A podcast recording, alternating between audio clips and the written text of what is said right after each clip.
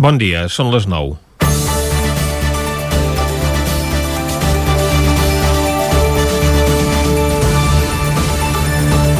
S'ha organitzat un bon embolic al voltant de la selecció espanyola de futbol després que diumenge passat Sergio Busquets donés positiu de Covid-19 en un dels testos PCR de control que es fan als jugadors concentrats a les Rozas. El jugador del Barça va abandonar la concentració i es van activar els protocols establerts pel Ministeri de Sanitat i la UEFA en aquesta bombolla de convivència, establint a partir de llavors entrenaments individualitzats que no han impedit l'aparició d'un segon positiu en un altre jugador.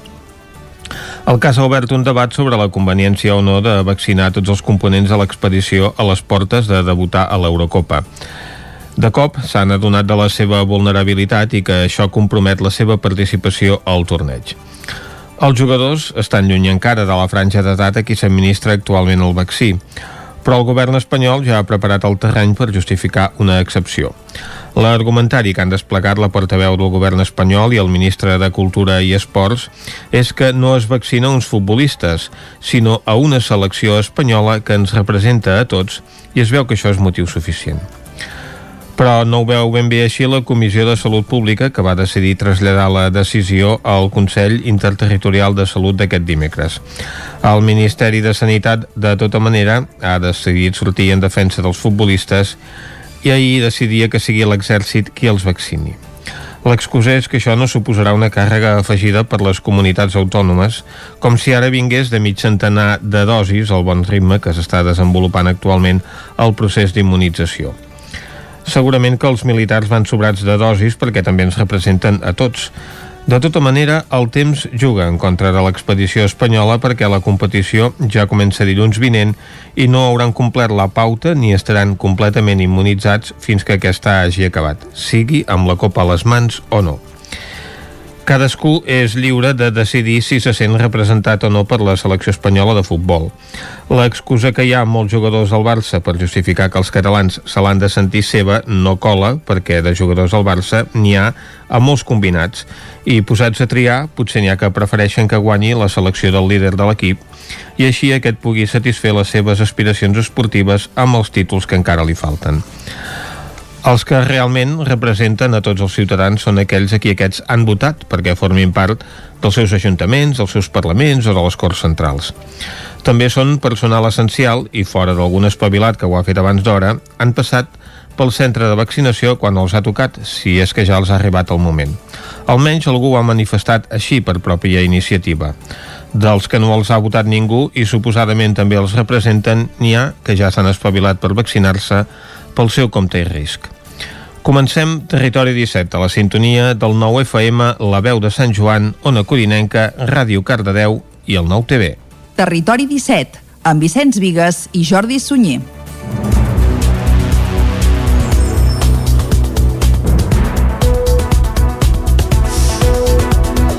Són les 9 i gairebé 3 minuts i mig del matí d'avui dijous, dia 10 de juny de 2021. Comença ara mateix un nou Territori 17 que avui, com sempre, durant la primera hora us acostarà tota l'actualitat de les nostres comarques. Després, a partir de les 10, tindrem un nou butlletí informatiu, entrevista, avui secció de cinema amb la Núria Lázaro, recuperarem la secció de paraules i curiositats del català amb Cristina Enfruns i acabarem al punt de les 12 del migdia amb el racó de pensar amb Maria López. Tot això i moltes coses més les farem des d'ara mateix i fins a les 12 del migdia. Abans, però, i com sempre, el que fem és arrencar tot fent un repàs a l'actualitat de les nostres comarques, l'actualitat de les comarques del Ripollès, Osona, el Moianès i el Vallès Oriental.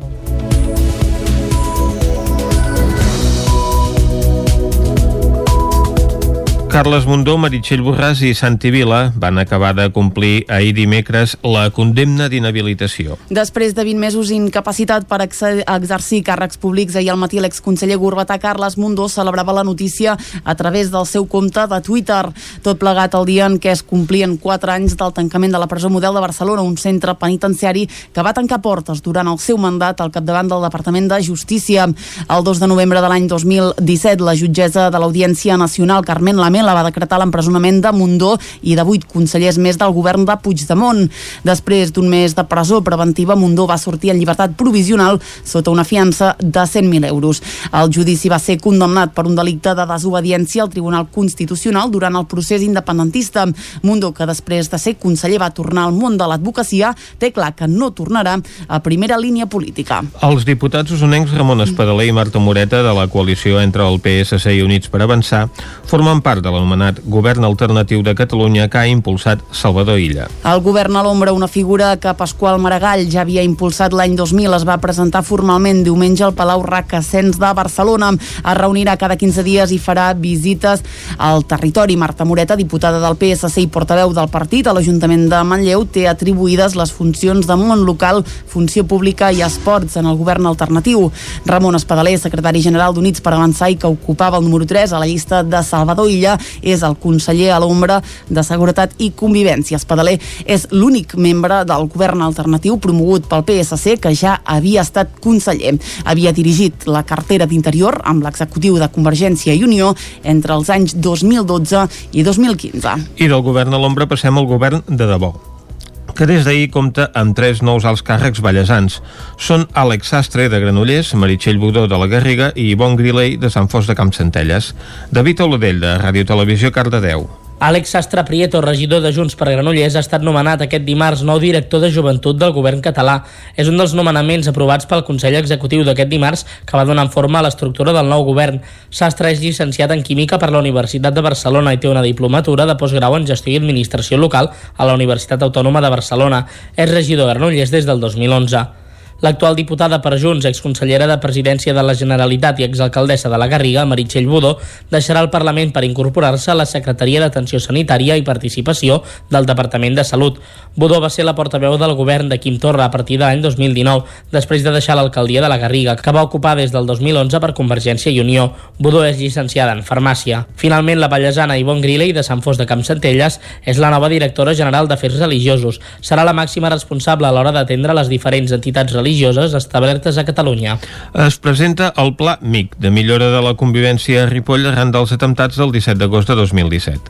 Isaac Muntades, des de la veu de Sant Joan. Aquest dimarts a la tarda, la sala Bat Sant Just de l'Ajuntament de Ripoll va acollir la presentació del Pla Mar d'Intervenció Comunitària, el Pla MIC, en el marc del nou model de convivència de Ripoll i el Ripollès. Tal com va explicar el regidor de Benestar Social, Joan Maria Roig, aquest pla va néixer arran dels atemptats que es van produir a Barcelona i a Cambrils el 17 d'agost de l'any 2017, uns fets que no van deixar indiferents a ningú de Ripoll, la vila on vivien els terroristes i que va despertar inquietuds i emocions. Roig va apuntar que encara no s'ha trobat cap resposta per explicar aquells fets i va dir que cal comprendre les causes d'allò que va passar. A les ciències socials sovint parlem de que el que hem de fer és comprendre. Comprendre vol dir buscar les causes, però buscar les causes no vol dir en cap moment intentar justificar allò que ha passat, ni tampoc intentar trobar culpables que donguin resposta en aquells fets, sinó que comprendre vol dir únicament intentar trobar quines són aquelles causes que expliquen i que aquesta explicació ens ha de permetre una mica trobar quines eines que ens, ens permetran treballar de manera preventiva perquè tots aquells problemes de convivència, en aquest sentit o en un altre, puguin trobar resposta a nivell social. Roig va dir que aquest pla no neix de manera teòrica, sinó de la reflexió fruit de la diagnosi. El marc teòric havia de donar pas a un marc interpretatiu que expliqués com es construeixen les identitats, les quals són fràgils a escala individual i col·lectiva. A més, el regidor va fer la reflexió que no tothom accepta la diversitat, però cal reconèixer que hi és i que hi ha persones que tenen valors i tradicions diferents i tenen dret a tenir una veu. Per això van insistir en que cal la màxima participació en l'àmbit comunitari i social. La directora del Consorci de Benestar Social del Ripollès, Elisabet Ortega, va apuntar que no venien a presentar un nou model de convivència perquè això no té un final, però sí a posar-ne els fonaments. L'objectiu comú ha estat i continua estant el construir unes bases eh, sòlides o suficientment sòlides per generar un model de convivència molt més inclusiu i que tingués en compte totes les identitats i totes les diversitats. La tècnica de l'àrea de ciutadania, Núria Riera, va detallar que en els pròxims mesos promocionaran una sèrie de vídeos divulgatius sobre el coneixement que han extret de l'elaboració del Pla MIC. El primer d'ells explicava el ressò que es va fer dels atemptats i com van aparèixer discursos contra la immigració i es va produir una esquerda social entre persones que se sentien traïdes i altres que defensaven el col·lectiu musulmà. Durant més de dos anys es va fer un estudi de camp per recollir informació on hi van participar ciutadans de Ripoll i professionals experts que van detectar factors de nivell social i personal que provocaven malestar. En total van participar-hi 1.115 persones i s'han fet 821 accions des d'aleshores. Riera va desgranar alguns factors del marc conceptual com la identitat, la gestió emocional, l'entorn personal, el principi de pertinença, les crisis econòmiques, la socialització de la violència, les guerres o l'auge de l'extrema dreta. Aquí explicava aquest darrer punt. Hi ha un discurs populista perquè totes les persones ens agrada viure i ens sentim còmodes dins una zona de seguretat concreta, però quan arriben agents externs que no formen part d'aquesta realitat els sentim com a amenaçadors i genera pors, legítimes o no, però hi són. I això activa mecanismes de defensa fent que es vulgui tornar a externalitzar aquesta gent que em trenca la zona de confort i em causa aquestes esquerdes en la meva zona de seguretat.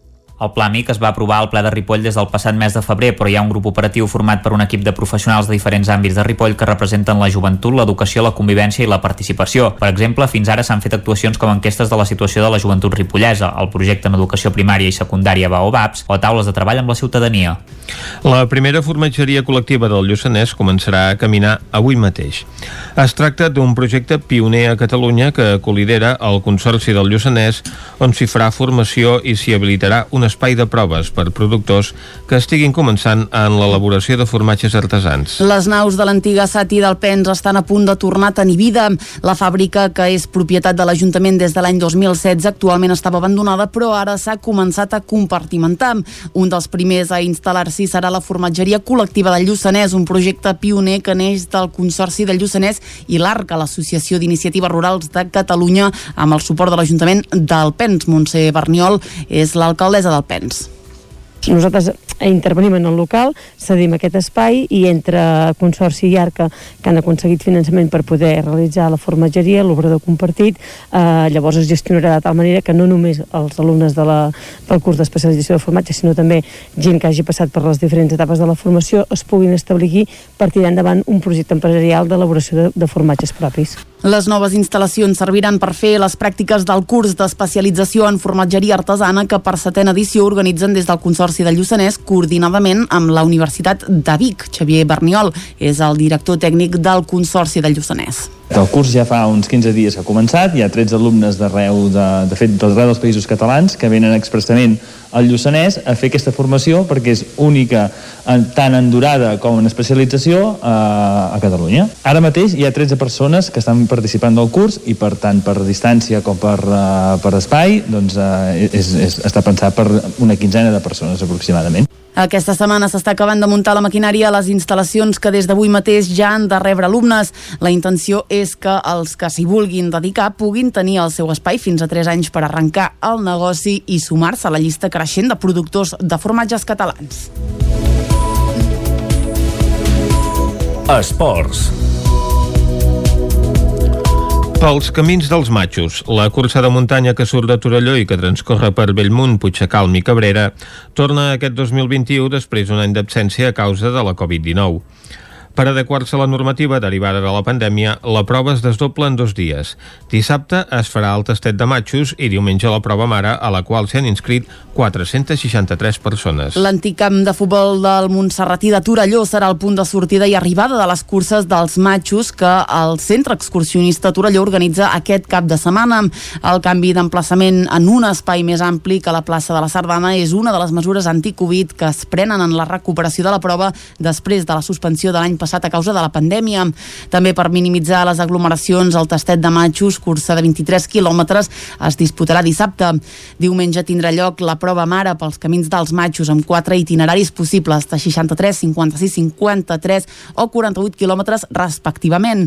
Els participants hauran d'utilitzar mascareta en els llocs concorreguts i hauran d'esperar que els serveixin en els avituallaments. Lambert Guix és el president del Centre Excursionista de Torelló la figura dels traginers agafen més importància que mai perquè seran eh, les persones que en tot moment us cuidaran i us alimentaran perquè els participants pròpiament no poden eh, agafar ni avituallar-se directament dels, dels avituallaments, sinó que és el traginer qui serveix. Aquest any de nou torna a ser obligatori portar-se el got o recipient eh, a la maleta o a la cinta o el que als participants els agradi més, perquè de nou no hi haurà gots als avituallaments. L'alcalde de Torelló destacava la importància que té pel territori la cursa pels camins dels matxos, que aquest cap de setmana arribarà a la 19a edició i que ja mira cap a l'any vinent, quan s'espera poder fer una celebració en condicions del 20è aniversari. Marçal Ortunyó és l'alcalde de Torelló ha aconseguit que això també doncs, posi Torelló en el territori i en aquest sentit doncs, faci que siguem un punt de referència i això és molt, és molt positiu i ens agrada molt de poder-ho eh, explicar i en aquest cas doncs, d'agrair al Club Excursionista que sigui gràcies una vegada més a Torelló a una, a una entitat de, del municipi, d'aquest teixit associatiu que, que és el patrimoni més important que tenim. L'horari de lliurament de dorsals al camp del Montserratí s'ha ampliat i començarà demà divendres a la tarda. El principal candidat a la victòria i també a emportar-se el Machu Pot, és a dir, a finalitzar la prova en menys de 6 hores, és Andreu Simón, el recentment proclamat campió d'Espanya d'Ultra Trail. El rec amb les Arcaldes prepara la primera cita de la Copa del Rei d'hoquei amb la il·lusió de seguir fent història. Després de certificar la tercera posició a la Lliga, disputaran els quarts de final avui a la una del migdia a la Corunya. Caral Campàs, des d'Ona Codinenca. El camí fins a la final de la Copa pel primer equip d'alcaldes d'hoquei serà complicat. Avui encaren el primer repte als quarts de final contra el Lleida Llista Blava. L'equip de Folguera ha marcat els seus millors registres històrics aquest curs i aspira a seguir col·leccionant trofeus. La igualtat ha estat la tònica en els enfrontaments entre els dos equips aquest curs.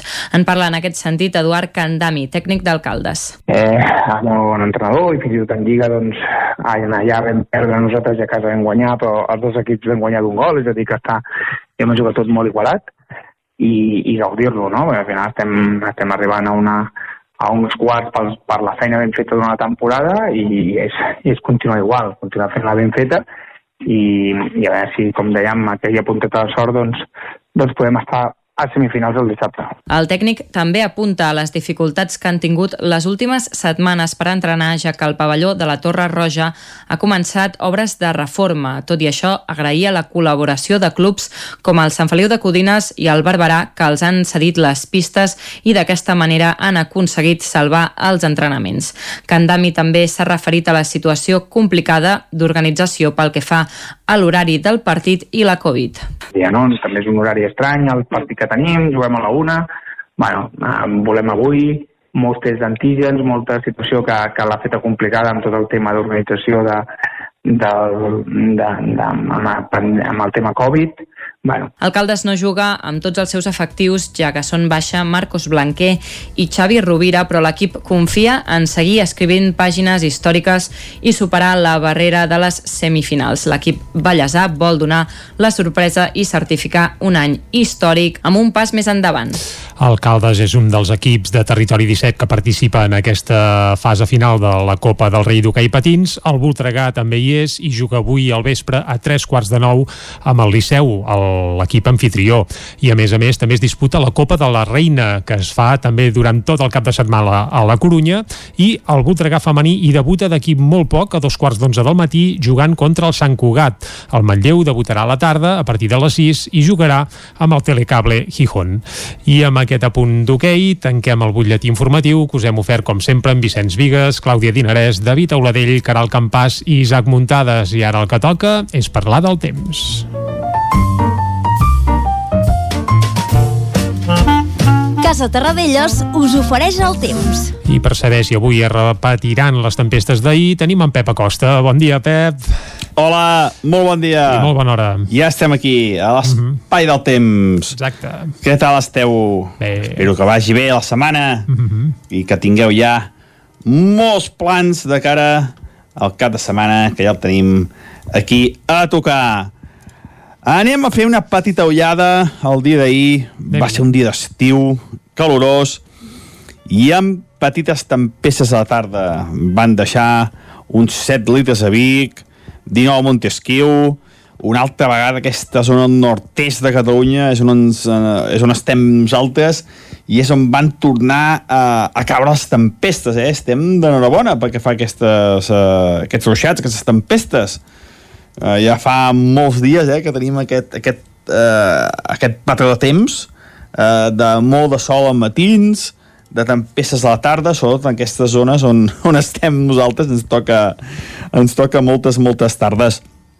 No van ser tempestes molt, molt violentes, eh, segurament en algun lloc localitzat sense observatori, sense problema de poder va ploure més de 19 litres, però bueno, almenys eh, mullen una mica, eh, reguen, eh, està bé, està bé, aquestes, aquestes tempestes.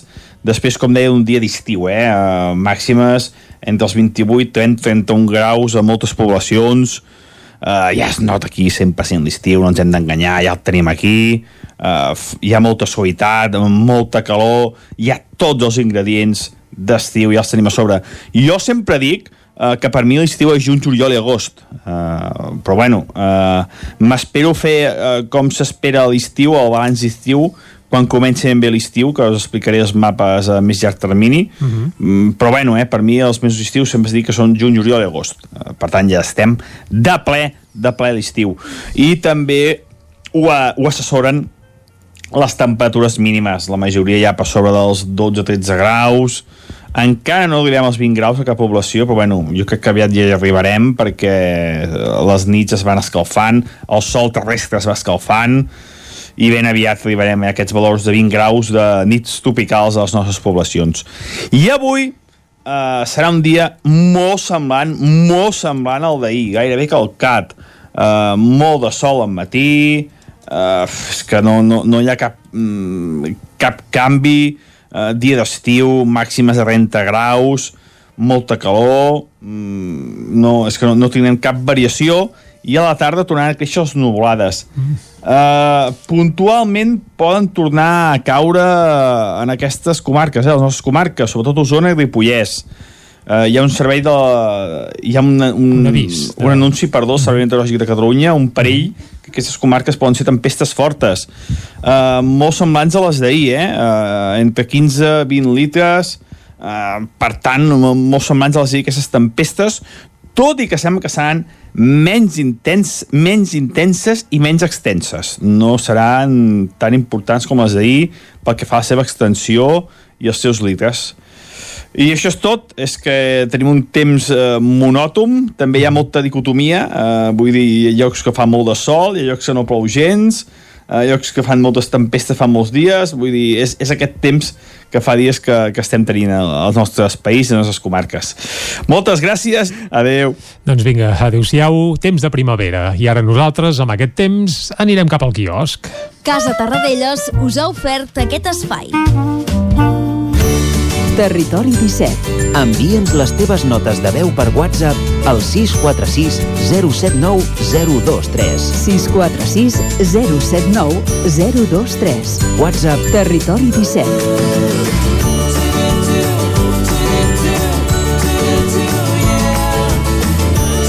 Territori 17. Som a Facebook, Twitter i Instagram amb l'usuari Territori 17.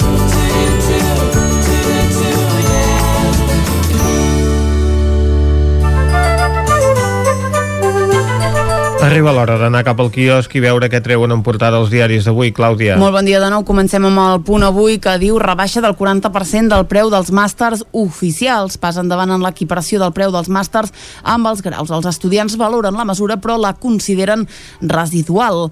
A la imatge el recurs de Cuixart ja és a Estrasburg. El president d'Òmnium és el primer pres polític que recorre al Tribunal Europeu.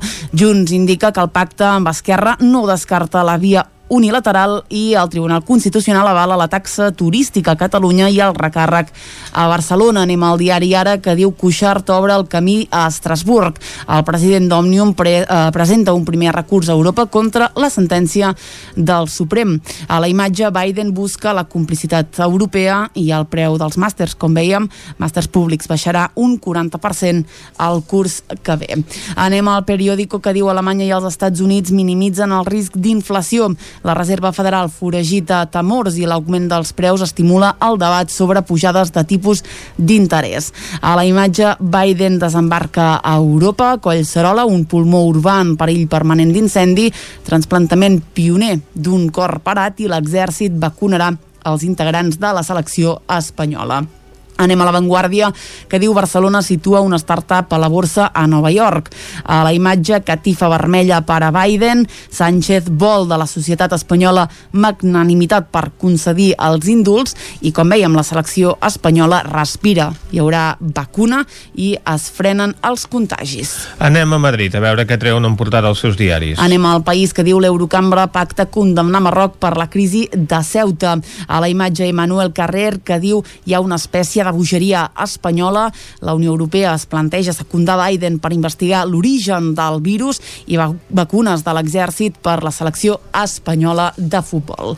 El Mundo Sánchez aplaudeix a Junqueras i li promet magnanimitat a la imatge ovació a Plácido Domingo en el seu retorn als escenaris i Sanitat dona ara a les comunitats autònomes barra lliure per obrir l'oci nocturn. A la Razón, les fugues a Ciutadans apropen Andalusia i a Castella a Lleó a les eleccions. Villarejo va idear un plan perquè Garzón autoritzés gravar a Trapero i com veiem fa un moment, apoteòsic retorn a Espanya, el tenor eh, Plácido Domingo va tornar a cantar a l'Auditori Nacional en una gala benèfica. Finalment, a l'ABC, Esquerra i Bildu lliuren a Sánchez de retre-comptes 37 vegades. Gràcies al vot dels independentistes, no ha respost sobre el cas d'Elsi i el rescat de Plus Ultra, la crisi de Ceuta i les pressions del Consell General del Poder Judicial. Doncs uh, avui a la premsa catalana veiem com uh, tots els uh, diaris obren amb una fotografia de Joe Biden en aquesta arribada al Regne Unit, l'inici d'aquesta gira europea del nou president dels Estats Units. L'excepció és el punt avui, que hi veiem en portada la fotografia del recurs de Cuixart davant del Tribunal d'Estrasburg, que va presentar ahir el primer dels recursos que es presenten per part dels presos polítics que recorren a la justícia europea un cop ha acabat el recorregut de la justícia espanyola. A la premsa de Madrid hi veiem doncs, dos diaris que obren en portada amb la fotografia de Plácido Domingo que va actuar ahir a l'Auditori Nacional de Madrid. Són La Razón i també aquesta fotografia apareix a la portada de El Mundo. El Mundo que també insisteix avui en aquesta acos contra el conseller eh, Jaume Giró, com ja va fer ahir, continua atacant el conseller d'Economia, en aquest cas perquè té el control de la publicitat als mitjans, com és propi del conseller d'Economia, i el País obre la portada amb una fotografia de Manuel Carré, Premi Princesa d'Astúries. Ara fem una pausa i tornem d'aquí un moment. El nou FM, la ràdio de casa, al 92.8. A Magatzem de Trossos trobaràs una gran varietat de teixits a metres, lunetes, robes de patchwork i tot el material per poder fer el que necessitis. A més, et confeccionem a mida el que et faci falta. Cortines enrotllables, fundes de coixins per interior i exterior, matalassos i coixins per a furgonetes i autocaravanes. Vine a veure'ns a Magatzem de Trossos, al carrer Manel Serra i Moret, número 14 de Vic. A la llibreria Mater hi trobaràs material escolar i d'escriptori, llibres, revistes i el millor regal. T'esperem amb una gran varietat de novel·les, llibres d'assaig, poesia, contes i moltes novetats editorials. I per anar ben equipat a l'escola tenim motxilles, estoig, carpetes, llibretes, bolígrafs i molt més. Recorda que amb la targeta client tens descomptes. Mater, llibreters amb vocació des de 1957. Llibreria Mater. Ens trobaràs al carrer Pla de Balanyà número 23 de Vic i a mater.cat. Sabies que un 99% dels estudiants d'Administració i Direcció d'Empreses de la UBIC troben feina del seu àmbit abans de 6 mesos? Grau en ADE, orientat a l'emprenedoria, al lideratge i a les habilitats directives. Informa't a ubic.cat barra info barra empresa. Universitat de Vic, Universitat Central de Catalunya. A Corretja tenim tot el que necessites per la teva llar. Tot tipus de paviments i revestiments, sistemes d'aïllament, cobertes, parquets, aixetes, ferreteria, pintures, fixació i cargoleria, vestuari i material de seguretat. Disposem de més de 3.500 metres quadrats d'exposició amb una nova zona exterior d'aïllaments. A Corretja som especialistes en cuines i banys. Us assessorem, dissenyem i realitzem el projecte des de l'inici fins a la fi del muntatge. 100% cuines, 100% banys. Al carrer Mas Vigues 8 de Vic, a corretja-sl.com o a Instagram. 100% materials per la construcció i la decoració. 100% corretja. El Roures Parc de Ceba, obrim a partir del 26 de juny, pista de vòlei, pista 3x3, bar, zona pícnic i una gran caseta de boles. Dues piscines amb grans espais verds per adults i una piscina dedicada a infants amb màxima garantia d'higiene i seguretat.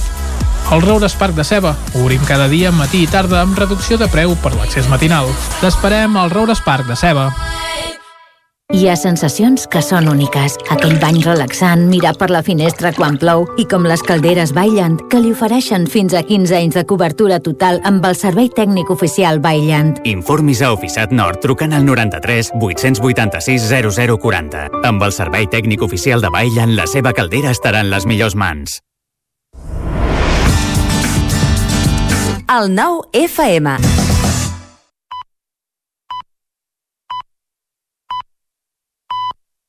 Territori 17, amb Vicenç Vigues i Jordi Sunyer. Dos quarts de deu en punt d'avui dijous, dia 10 de juny de 2021. Seguim en directe aquí a Territori 17 i us farem companyia encara fins a les 12 del migdia. De seguida el que tocarà és acostar-vos de nou tota l'actualitat de les nostres comarques, però ja us avancem que abans de les 10 avui estrenarem Tornarem a omplir les places, una cançó eh, feta pel grup d'animació Ricus, que precisament s'estrena avui i com que n'han fet un videoclip on hi ha diversos plans de diverses places d'arreu dels països catalans, doncs una d'elles és Vic i han volgut que s'estreni també a Vic, juntament amb altres places on també eh, es podrà escoltar i veure aquesta peça. D'això en parlarem una mica abans de les 10. Després, a les 10, ja ho sabeu, tornarem a acostar-vos l'actualitat de les nostres comarques, tindrem avui també entrevista, anirem al cinema amb la Núria Lázaro, recuperarem la secció de paraules i curiositats del català amb Cristina Enfruns, que a més a més avui ens portarà una cançó d'oques grasses per analitzar-la eh, curosament pel que fa a lletres i acabarem al punt de les 12 del migdia amb el racó de pensar amb la Maria López. Tot això i moltes coses més, perquè també hem de passar per la R3 i descobrir algun racó de Catalunya, ho farem des d'ara mateix i fins al punt del migdia, fins a les 12. Ara el que toca, però, és acostar-vos de nou l'actualitat de casa nostra, l'actualitat de casa vostra, de les comarques del Ripollès, Osona, el Moianès i el Vallès Oriental. Thank Carles Mundó, Meritxell Borràs i Santi Vila van acabar de complir ahir dimecres la condemna d'inhabilitació. Després de 20 mesos incapacitat per exercir càrrecs públics, ahir al matí l'exconseller Gorbatà Carles Mundó celebrava la notícia a través del seu compte de Twitter. Tot plegat el dia en què es complien 4 anys del tancament de la presó model de Barcelona, un centre penitenciari que va tancar portes durant el seu mandat al capdavant del Departament de Justícia. El 2 de novembre de l'any 2017, la jutgessa de l'Audiència Nacional, Carmen Lamela, la va decretar l'empresonament de Mundó i de vuit consellers més del govern de Puigdemont. Després d'un mes de presó preventiva, Mundó va sortir en llibertat provisional sota una fiança de 100.000 euros. El judici va ser condemnat per un delicte de desobediència al Tribunal Constitucional durant el procés independentista. Mundó, que després de ser conseller va tornar al món de l'advocacia, té clar que no tornarà a primera línia política. Els diputats usonencs Ramon Espadaler i Marta Moreta de la coalició entre el PSC i Units per Avançar formen part de l'anomenat Govern Alternatiu de Catalunya que ha impulsat Salvador Illa. El govern a l'ombra, una figura que Pasqual Maragall ja havia impulsat l'any 2000, es va presentar formalment diumenge al Palau Racassens de Barcelona. Es reunirà cada 15 dies i farà visites al territori. Marta Moreta, diputada del PSC i portaveu del partit a l'Ajuntament de Manlleu, té atribuïdes les funcions de món local, funció pública i esports en el govern alternatiu. Ramon Espadaler, secretari general d'Units per Avançar i que ocupava el número 3 a la llista de Salvador Illa, és el conseller a l'ombra de Seguretat i Convivència. Espadaler és l'únic membre del govern alternatiu promogut pel PSC que ja havia estat conseller. Havia dirigit la cartera d'Interior amb l'executiu de Convergència i Unió entre els anys 2012 i 2015. I del govern a l'ombra passem al govern de debò que des d'ahir compta amb tres nous alts càrrecs ballesans.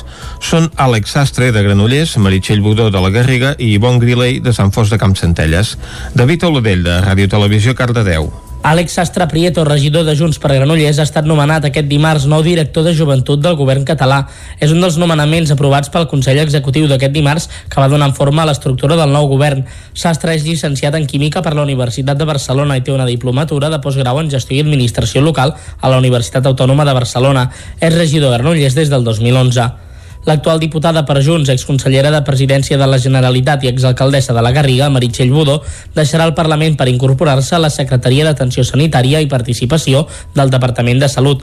Budó va ser la portaveu del govern de Quim Torra a partir de l'any 2019, després de deixar l'alcaldia de la Garriga, que va ocupar des del 2011 per Convergència i Unió. Budó és llicenciada en Farmàcia. Finalment, la pallesana Ivonne Griley de Sant Fos de Campsentelles és la nova directora general d'Afers Religiosos. Serà la màxima responsable a l'hora d'atendre les diferents entitats religioses establertes a Catalunya. Es presenta el Pla MIC de millora de la convivència a Ripoll arran dels atemptats del 17 d'agost de 2017. Isaac Muntades, des de la veu de Sant Joan. Aquest dimarts a la tarda, la sala Bat Sant Just de l'Ajuntament de Ripoll va acollir la presentació del Pla Mar d'Intervenció Comunitària, el Pla MIC, en el marc del nou model de convivència de Ripoll i el Ripollès. Tal com va explicar el regidor de Benestar Social, Joan Maria Roig, aquest pla va néixer arran dels atemptats que es van produir a Barcelona i a Cambrils el 17 d'agost de l'any 2017, uns fets que no van deixar indiferents a ningú de Ripoll, la vila on vivien els terroristes i que va despertar inquietuds i emocions. Roig va apuntar que encara no s'ha trobat cap resposta per explicar aquells fets i va dir que cal comprendre les causes d'allò que va passar. A les ciències socials sovint parlem de que el que hem de fer és comprendre. Comprendre vol dir buscar les causes, però buscar les causes no vol dir en cap moment intentar justificar allò que ha passat, ni tampoc intentar trobar culpables que donguin resposta en aquells fets, sinó que comprendre vol dir únicament intentar trobar quines són aquelles causes que expliquen i que aquesta explicació ens ha de permetre una mica trobar quines eines que ens, ens permetran treballar de manera preventiva perquè tots aquells problemes de convivència en aquest sentit o en un altre puguin trobar resposta a nivell social. Roig va dir que aquest pla no neix de manera teòrica, sinó de la reflexió fruit de la diagnosi. El marc teòric havia de donar pas a un marc interpretatiu que expliqués com es construeixen les identitats, les quals són fràgils a escala individual i col·lectiva. A més, el regidor va fer la reflexió que no tothom accepta la diversitat, però cal reconèixer que hi és i que hi ha persones que tenen valors i tradicions diferents i tenen dret a tenir una veu. Per això van insistir en que cal la màxima participació en l'àmbit comunitari i social. La directora del Consorci de Benestar Social del Ripollès, Elisabet Ortega, va apuntar que no venien a presentar un nou model de convivència perquè això no té un final, però sí a posar-ne els fonaments. L'objectiu comú ha estat i continua estant el construir unes bases eh, sòlides o suficientment sòlides per generar un model de convivència molt més inclusiu i que tingués en compte totes les identitats i totes les diversitats. La tècnica de l'àrea de ciutadania, Núria Riera, va detallar que en els pròxims mesos promocionaran una sèrie de vídeos divulgatius sobre el coneixement que han extret de l'elaboració del Pla MIC. El primer d'ells explicava el ressò que es va fer dels atemptats i com van aparèixer discursos contra la immigració i es va produir una esquerda social entre persones que se sentien traïdes i altres que defensaven el col·lectiu musulmà. Durant més de dos anys es va fer un estudi de camp per recollir informació on hi van participar ciutadans de Ripoll i professionals experts que van detectar factors de nivell social i personal que provocaven malestar. En total van participar-hi 1.115 persones i s'han fet 821 accions des d'aleshores. Riera va desgranar alguns factors del marc conceptual com la identitat, la gestió emocional, l'entorn personal, el principi de pertinença, les crisis econòmiques, la socialització de la violència, les guerres o l'auge de l'extrema dreta. Aquí explicava aquest darrer punt hi ha un discurs populista perquè totes les persones ens agrada viure i ens sentim còmodes dins una zona de seguretat concreta, però quan arriben agents externs que no formen part d'aquesta realitat els sentim com a amenaçadors i genera pors, legítimes o no, però hi són. I això activa mecanismes de defensa fent que es vulgui tornar a externalitzar aquesta gent que em trenca la zona de confort i em causa aquestes esquerdes en la meva zona de seguretat. El Pla MIC es va aprovar al ple de Ripoll des del passat mes de febrer, però hi ha un grup operatiu format per un equip de professionals de diferents àmbits de Ripoll que representen la joventut, l'educació, la convivència i la participació. Per exemple, fins ara s'han fet actuacions com enquestes de la situació de la joventut ripollesa, el projecte en educació primària i secundària Baobabs o taules de treball amb la ciutadania. La primera formatgeria col·lectiva del Lluçanès començarà a caminar avui mateix. Es tracta d'un projecte pioner a Catalunya que colidera el Consorci del Lluçanès on s'hi farà formació i s'hi habilitarà una espai de proves per productors que estiguin començant en l'elaboració de formatges artesans. Les naus de l'antiga Sati del Pens estan a punt de tornar a tenir vida. La fàbrica, que és propietat de l'Ajuntament des de l'any 2016, actualment estava abandonada, però ara s'ha començat a compartimentar. Un dels primers a instal·lar-s'hi serà la formatgeria col·lectiva del Lluçanès, un projecte pioner que neix del Consorci del Lluçanès i l'ARCA, l'Associació d'Iniciatives Rurals de Catalunya, amb el suport de l'Ajuntament del Pens. Montse Berniol és l'alcaldessa del Pens. Nosaltres intervenim en el local, cedim aquest espai i entre Consorci i Arca, que han aconseguit finançament per poder realitzar la formatgeria, l'obrador compartit, eh, llavors es gestionarà de tal manera que no només els alumnes de la, del curs d'especialització de formatge, sinó també gent que hagi passat per les diferents etapes de la formació es puguin establir aquí per tirar endavant un projecte empresarial d'elaboració de, de formatges propis. Les noves instal·lacions serviran per fer les pràctiques del curs d'especialització en formatgeria artesana que per setena edició organitzen des del Consorci Consorci del Lluçanès coordinadament amb la Universitat de Vic. Xavier Berniol és el director tècnic del Consorci del Lluçanès. El curs ja fa uns 15 dies que ha començat, hi ha 13 alumnes d'arreu, de, de fet, d'arreu dels països catalans que venen expressament al Lluçanès a fer aquesta formació perquè és única tant en durada com en especialització a, a Catalunya. Ara mateix hi ha 13 persones que estan participant del curs i per tant per distància com per, uh, per espai doncs, uh, és, és, està pensat per una quinzena de persones aproximadament. Aquesta setmana s'està acabant de muntar la maquinària a les instal·lacions que des d'avui mateix ja han de rebre alumnes. La intenció és que els que s'hi vulguin dedicar puguin tenir el seu espai fins a 3 anys per arrencar el negoci i sumar-se a la llista creixent de productors de formatges catalans. Esports. Pels camins dels matxos, la cursa de muntanya que surt de Torelló i que transcorre per Bellmunt, Puigcalm i Cabrera torna aquest 2021 després d'un any d'absència a causa de la Covid-19.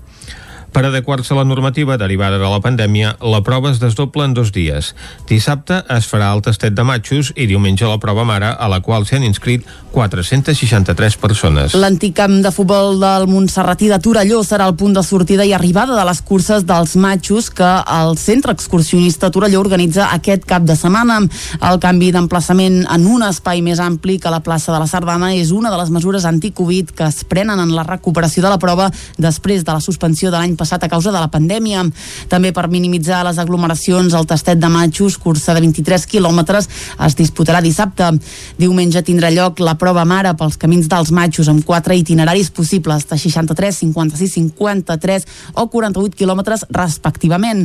Els participants hauran d'utilitzar mascareta en els llocs concorreguts i hauran d'esperar que els serveixin en els avituallaments. Lambert Guix és el president del Centre Excursionista de Torelló la figura dels traginers agafen més importància que mai perquè seran uh, les persones que en tot moment us cuidaran i us alimentaran perquè els participants pròpiament no poden uh, agafar ni avituallar-se directament dels, dels avituallaments, sinó que és el traginer qui serveix aquest any de nou torna a ser obligatori portar-se el got o recipient a, a la maleta o a la cinta o el que als participants els agradi més, perquè de nou no hi haurà gots als avituallaments. L'alcalde de Torelló destacava la importància que té pel territori la cursa pels camins dels matxos, que aquest cap de setmana arribarà a la 19a edició i que ja mira cap a l'any vinent, quan s'espera poder fer una celebració en condicions del 20è aniversari. Marçal Ortunyó és l'alcalde de Torelló ha aconseguit que això també doncs, posi Torelló en el territori i en aquest sentit doncs, faci que siguem un punt de referència i això és molt, és molt positiu i ens agrada molt de poder-ho eh, explicar i en aquest cas doncs, d'agrair al Club Excursionista que sigui gràcies una vegada més a Torelló a una, a una entitat de, del municipi d'aquest teixit associatiu que, que és el patrimoni més important que tenim. L'horari de lliurament de dorsals al camp del Montserratí s'ha ampliat i començarà demà divendres a la tarda. El principal candidat a la victòria i també a emportar-se el Matxo Pot, és a dir, a finalitzar la prova en menys de 6 hores, és Andreu Simón, el recentment proclamat campió d'Espanya d'Ultra Trail. El rec amb les Arcaldes prepara la primera cita de la Copa del Rei d'hoquei amb la il·lusió de seguir fent història. Després de certificar la tercera posició a la Lliga, disputaran els quarts de final avui a la una del migdia a la Corunya. Caral Campàs, des d'Ona Codinenca. El camí fins a la final de la Copa pel primer equip d'alcaldes d'hoquei serà complicat. Avui encaren el primer repte als quarts de final contra el Lleida Llista Blava. L'equip de Folguera ha marcat els seus millors registres històrics aquest curs i aspira a seguir col·leccionant trofeus. La igualtat ha estat la tònica en els enfrontaments entre els dos equips aquest curs. En parla en aquest sentit Eduard Candami, tècnic d'alcaldes. Eh, meu bon entrenador i fins i tot en Lliga doncs, allà vam perdre nosaltres i a casa vam guanyar guanyar, però els dos equips van guanyar d'un gol, és a dir, que està, hem jugat tot molt igualat i, i gaudir-lo, no? Perquè al final estem, estem arribant a una, a uns quarts per, per la feina ben feta d'una temporada i és, és continuar igual, continuar fent-la ben feta i, i a veure si, com dèiem, aquella punteta de sort, doncs, doncs podem estar a semifinals el dissabte. El tècnic també apunta a les dificultats que han tingut les últimes setmanes per entrenar, ja que el pavelló de la Torre Roja ha començat obres de reforma. Tot i això, agraïa la col·laboració de clubs com el Sant Feliu de Codines i el Barberà, que els han cedit les pistes i d'aquesta manera han aconseguit salvar els entrenaments. Candami també s'ha referit a la situació complicada d'organització pel que fa a l'horari del partit i la Covid. migdia, no? També és un horari estrany, el partit que tenim, juguem a la una, bueno, volem avui, molts tests d'antígens, molta situació que, que l'ha feta complicada amb tot el tema d'organització de, de, de, de, amb, amb el tema Covid, Bueno. Alcaldes no juga amb tots els seus efectius, ja que són baixa Marcos Blanquer i Xavi Rovira, però l'equip confia en seguir escrivint pàgines històriques i superar la barrera de les semifinals. L'equip ballesà vol donar la sorpresa i certificar un any històric amb un pas més endavant. Alcaldes és un dels equips de Territori 17 que participa en aquesta fase final de la Copa del Rei d'Hockey Patins. El Voltregà també hi és i juga avui al vespre a tres quarts de nou amb el Liceu, el l'equip anfitrió. I a més a més també es disputa la Copa de la Reina, que es fa també durant tot el cap de setmana a la Corunya, i el Voltregà femení hi debuta d'aquí molt poc, a dos quarts d'onze del matí, jugant contra el Sant Cugat. El Manlleu debutarà a la tarda, a partir de les 6, i jugarà amb el Telecable Gijón. I amb aquest apunt d'hoquei tanquem el butlletí informatiu que us hem ofert com sempre amb Vicenç Vigues, Clàudia Dinarès, David Auladell, Caral Campàs i Isaac Muntades. I ara el que toca és parlar del temps.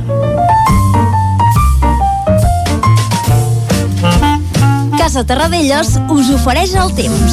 I per saber si avui es repetiran les tempestes d'ahir, tenim en Pep Acosta. Bon dia, Pep. Hola, molt bon dia. I molt bona hora. Ja estem aquí, a l'espai del temps. Exacte. Què tal esteu? Bé. Espero que vagi bé la setmana Mm -hmm. i que tingueu ja molts plans de cara al cap de setmana, que ja el tenim aquí a tocar. Anem a fer una petita ullada el dia d'ahir. Va ser un dia d'estiu, calorós, i amb petites tempestes a la tarda. Van deixar uns 7 litres a Vic, 19 a Montesquieu, una altra vegada aquesta zona nord-est de Catalunya és on, ens, eh, és on estem nosaltres i és on van tornar a, a caure les tempestes, eh? Estem d'enhorabona perquè fa aquestes, eh, aquests ruixats, aquestes tempestes. Uh, ja fa molts dies eh, que tenim aquest, aquest, uh, aquest patró de temps uh, de molt de sol en matins de tempestes a la tarda, sobretot en aquestes zones on, on estem nosaltres ens toca, ens toca moltes, moltes tardes. No van ser tempestes molt, molt violentes. Uh, segurament en algun lloc localitzat sense observatori, sense problema de poder va ploure més de 19 litres. Però bueno, almenys eh, mullen una mica, eh, reguen, eh, està bé, està bé, aquestes, aquestes tempestes. Després, com deia, un dia d'estiu, eh, eh, màximes entre els 28 30, 31 graus a moltes poblacions. Eh, ja es nota aquí 100% l'estiu, no ens hem d'enganyar, ja el tenim aquí. Eh, hi ha molta suavitat, molta calor, hi ha tots els ingredients d'estiu, ja els tenim a sobre. Jo sempre dic uh, que per mi l'estiu és juny, juliol i agost. Uh, però bueno, uh, m'espero fer uh, com s'espera l'estiu, el balanç d'estiu, quan comenci ben bé l'estiu, que us explicaré els mapes a més llarg termini. Uh -huh. mm, però bueno, eh, per mi els mesos d'estiu sempre es dic que són juny, juliol i agost. Uh, per tant, ja estem de ple, de ple l'estiu. I també ho, ho assessoren les temperatures mínimes. La majoria ja per sobre dels 12-13 graus, encara no arribem als 20 graus a cap població, però bueno, jo crec que aviat ja hi arribarem perquè les nits es van escalfant, el sol terrestre es va escalfant, i ben aviat arribarem a aquests valors de 20 graus de nits tropicals a les nostres poblacions. I avui eh, serà un dia molt semblant, molt semblant al d'ahir, gairebé calcat. Eh, molt de sol al matí, eh, és que no, no, no hi ha cap, mm, cap canvi, eh, dia d'estiu, màximes de 30 graus, molta calor, mm, no, és que no, no tindrem cap variació, i a la tarda tornaran a créixer les nuvolades. Mm. Uh, puntualment poden tornar a caure en aquestes comarques, eh, les nostres comarques, sobretot Osona i Ripollès. Uh, hi ha un servei de... hi ha un, un, un, avís, un anunci, perdó, el Servei Meteorològic de Catalunya, un perill que aquestes comarques poden ser tempestes fortes. Uh, molt semblants a les d'ahir, eh? Uh, entre 15 20 litres, uh, per tant, molt semblants a les aquestes tempestes, tot i que sembla que seran menys, intens, menys intenses i menys extenses. No seran tan importants com les d'ahir pel que fa a la seva extensió i els seus litres. I això és tot, és que tenim un temps eh, monòtom, també hi ha molta dicotomia, eh, vull dir, hi ha llocs que fa molt de sol, hi ha llocs que no plou gens, eh, llocs que fan moltes tempestes fa molts dies, vull dir, és, és aquest temps que fa dies que, que estem tenint als nostres països, a les nostres comarques. Moltes gràcies, adeu. Doncs vinga, adeu-siau, temps de primavera. I ara nosaltres, amb aquest temps, anirem cap al quiosc. Casa Tarradellas us ha ofert aquest espai. Territori 17. Envia'ns les teves notes de veu per WhatsApp al 646 079 023. 646 079 023. WhatsApp Territori 17.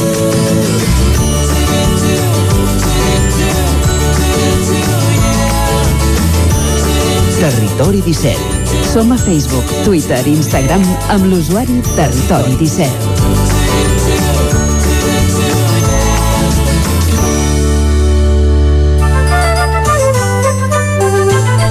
Arriba l'hora d'anar cap al quiosc i veure què treuen en portada els diaris d'avui, Clàudia. Molt bon dia de nou. Comencem amb el punt avui que diu rebaixa del 40% del preu dels màsters oficials. Pas endavant en l'equiparació del preu dels màsters amb els graus. Els estudiants valoren la mesura però la consideren residual. A la imatge el recurs de Cuixart ja és a Estrasburg. El president d'Òmnium és el primer pres polític que recorre al Tribunal Europeu. Junts indica que el pacte amb Esquerra no descarta la via unilateral i el Tribunal Constitucional avala la taxa turística a Catalunya i el recàrrec a Barcelona. Anem al diari Ara que diu Cuixart obre el camí a Estrasburg. El president d'Òmnium pre eh, presenta un primer recurs a Europa contra la sentència del Suprem. A la imatge Biden busca la complicitat europea i el preu dels màsters. Com veiem, màsters públics baixarà un 40% al curs que ve. Anem al periòdico que diu Alemanya i els Estats Units minimitzen el risc d'inflació. La Reserva Federal foragita temors i l'augment dels preus estimula el debat sobre pujades de tipus d'interès. A la imatge, Biden desembarca a Europa, Collserola, un pulmó urbà en perill permanent d'incendi, transplantament pioner d'un cor parat i l'exèrcit vacunarà els integrants de la selecció espanyola. Anem a l'avantguàrdia que diu Barcelona situa una startup a la borsa a Nova York. A la imatge, catifa vermella per a Biden, Sánchez vol de la societat espanyola magnanimitat per concedir els indults i com veiem la selecció espanyola respira. Hi haurà vacuna i es frenen els contagis. Anem a Madrid a veure què treuen en portada els seus diaris. Anem al país que diu l'Eurocambra pacta condemnar Marroc per la crisi de Ceuta. A la imatge Emmanuel Carrer que diu hi ha una espècie de bogeria espanyola. La Unió Europea es planteja secundar Biden per investigar l'origen del virus i va vacunes de l'exèrcit per la selecció espanyola de futbol. El Mundo Sánchez aplaudeix a Junqueras i li promet magnanimitat. A la imatge ovació a Plácido Domingo en el seu retorn als escenaris i Sanitat dona ara a les comunitats autònomes barra lliure per obrir l'oci nocturn.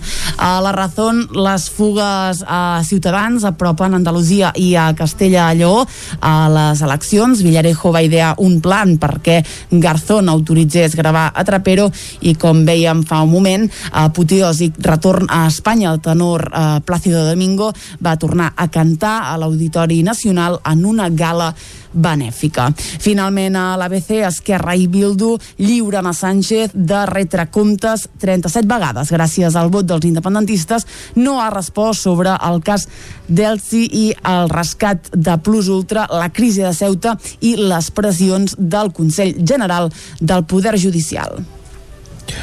Doncs uh, avui a la premsa catalana veiem com uh, tots els uh, diaris obren amb una fotografia de Joe Biden en aquesta arribada al Regne Unit, l'inici d'aquesta gira europea del nou president dels Estats Units. L'excepció és el punt avui, que hi veiem en portada la fotografia del recurs de Cuixart davant del Tribunal d'Estrasburg que va presentar ahir el primer dels recursos que es presenten per part dels presos polítics que recorren a la justícia europea un cop ha acabat el recorregut de la justícia espanyola. A la premsa de Madrid hi veiem doncs, dos diaris que obren en portada amb la fotografia de Plácido Domingo que va actuar ahir a l'Auditori Nacional de Madrid. Són La Razón i també aquesta fotografia apareix a la portada de El Mundo. El Mundo que també insisteix avui en aquesta acos contra el conseller eh, Jaume Giró, com ja va fer ahir, continua atacant el conseller d'Economia, en aquest cas perquè té el control de la publicitat als mitjans, com és propi del conseller d'Economia, i el País obre la portada amb una fotografia de Manuel Carré, Premi Princesa d'Astúries. Molt bé, doncs eh, amb això tanquem el repàs a les portades, Vicenç. I tant. Eh, sempre variades, sempre amb caliu. Hi ha dies Eh, de tot, no? Hi ha sí. dies que coincideixen totes les portades en un mateix tema i a vegades amb una mateixa fotografia i hi ha dies de més varietat. Va, doncs avui seria un dia d'aquests de varietat. Eh, com varietat sempre és la que portem també amb les temàtiques musicals i amb les cançons que escoltem en aquesta part final de la primera hora del Territori 17. I avui us porto una peça d'aquelles cantauries per a públic familiar, però que, escolta, per tots els públics i que sense manies, perquè quan una cosa està ben feta eh, no hi hauria d'haver edats per engolir-la. Es tracta d'una peça que estrenarem aquí a Territori 17 avui, es diu Tornarem a omplir les places i aquesta cançó l'ha fet un grup d'això d'espectacles per a públic familiar que es diu Enricus. És una banda de les comarques gironines No té res que a veure amb en Guillem Rico. no, no, no, no, no. Ricus, R-I-K-U-S, espectacles per a públic familiar, i aquesta banda amb la col·laboració del Xiula, una de les bandes eh, més punteres ara mateix dels espectacles per a públic familiar, han fet aquesta cançó, tornarem a omplir les places, que és una espècie eh, d'oda a la cultura, no? Venen a dir que portem un darrer any, un any i mig molt difícil, sobretot per espectacles familiars i tots altres tipus de muntatges, i ells volen donar una empenta i una mica d'injecció d'autoestima i també d'alegria a la situació i ho han fet amb aquesta cançó. I aquesta cançó, per enregistrar-la, han fet un videoclip que s'ha gravat a 10 places d'arreu dels països catalans. Hi ha Girona, hi ha Olot i també hi ha Vic. I com que hi ha Vic, els ricos han procurat que aquesta peça avui s'estreni a tots els racons de totes les contrades del país on han gravat eh, aquesta peça i per això doncs avui se sentirà en algun racó alguna emissora de Girona, alguna d'Olot i també a Territori 17 perquè la plaça Major de Vic apareix en aquest tornarem a omplir les places. Costa d'omplir, però, la plaça Major de Vic. Sí, perquè ens hem d'enganyar. Uh, ja dic el videoclip, si el veieu, que es pot veure a partir de les 12 del migdia d'avui a les xarxes, doncs la plaça Major de Vic evidentment no està plena. Però bé, nosaltres ens quedem amb el crit de guerra i aquest crit d'energia i d'optimisme dels ricos i per tant fins a arribar al punt de les 10 aquí a Territori 17 avui us deixem, em tornarem a omplir les places. Sí? Molt bé. Doncs vinga, salut i energia. A les 10 tornem.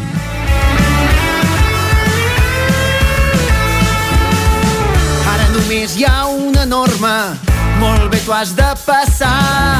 Sent el flow, segueix el ritme i no paris de cantar. Ara només hi ha una norma, molt bé t'ho has de passar. Comença a fer xerinola i no paris de bellugar. De bellugar. De bellugar. Tornarem a omplir les places de música i cançons, de somriures i rialles, d'abraçades i petons. Tornarem a omplir les places de llums i de colors, de xaiets i barretines, d'aventures i emocions.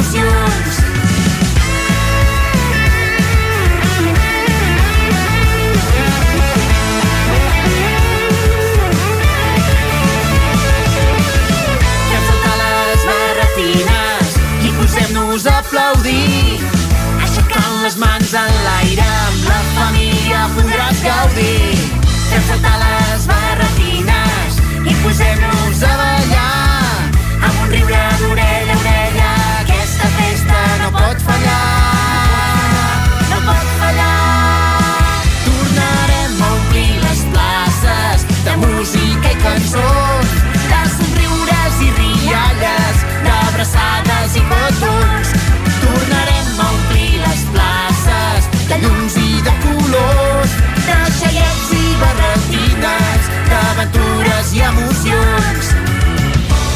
Tornarem a omplir les places, més cançons i més concerts. És l'hora de fer més passes, estem dormint o estem desperts. Som experts en l'abraçada, la rialla i el fiestón. Si sortim els cors oberts, si sortim tremola el món, puja la temperatura, ara ja ningú ens atura. Una plaça que està plena, tot en vena i tot ho cura. I segurament tot peta, la rotllana ja està feta, ja només falten els crits. Vinga, vinga, vinga, Tornarem a omplir les places Tornarem a omplir les places de bon rotllo i diversió. de bon rotllo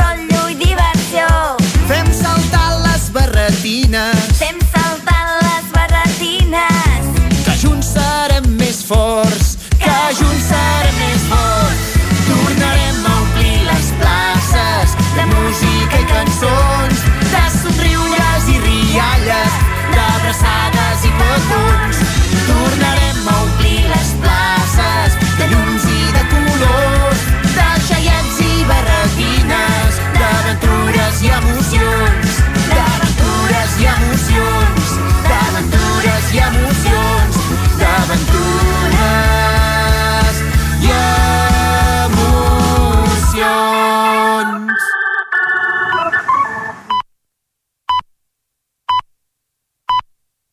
Informació de les nostres comarques, la informació de les comarques del Ripollès, Osona, el Moianès i el Vallès Oriental.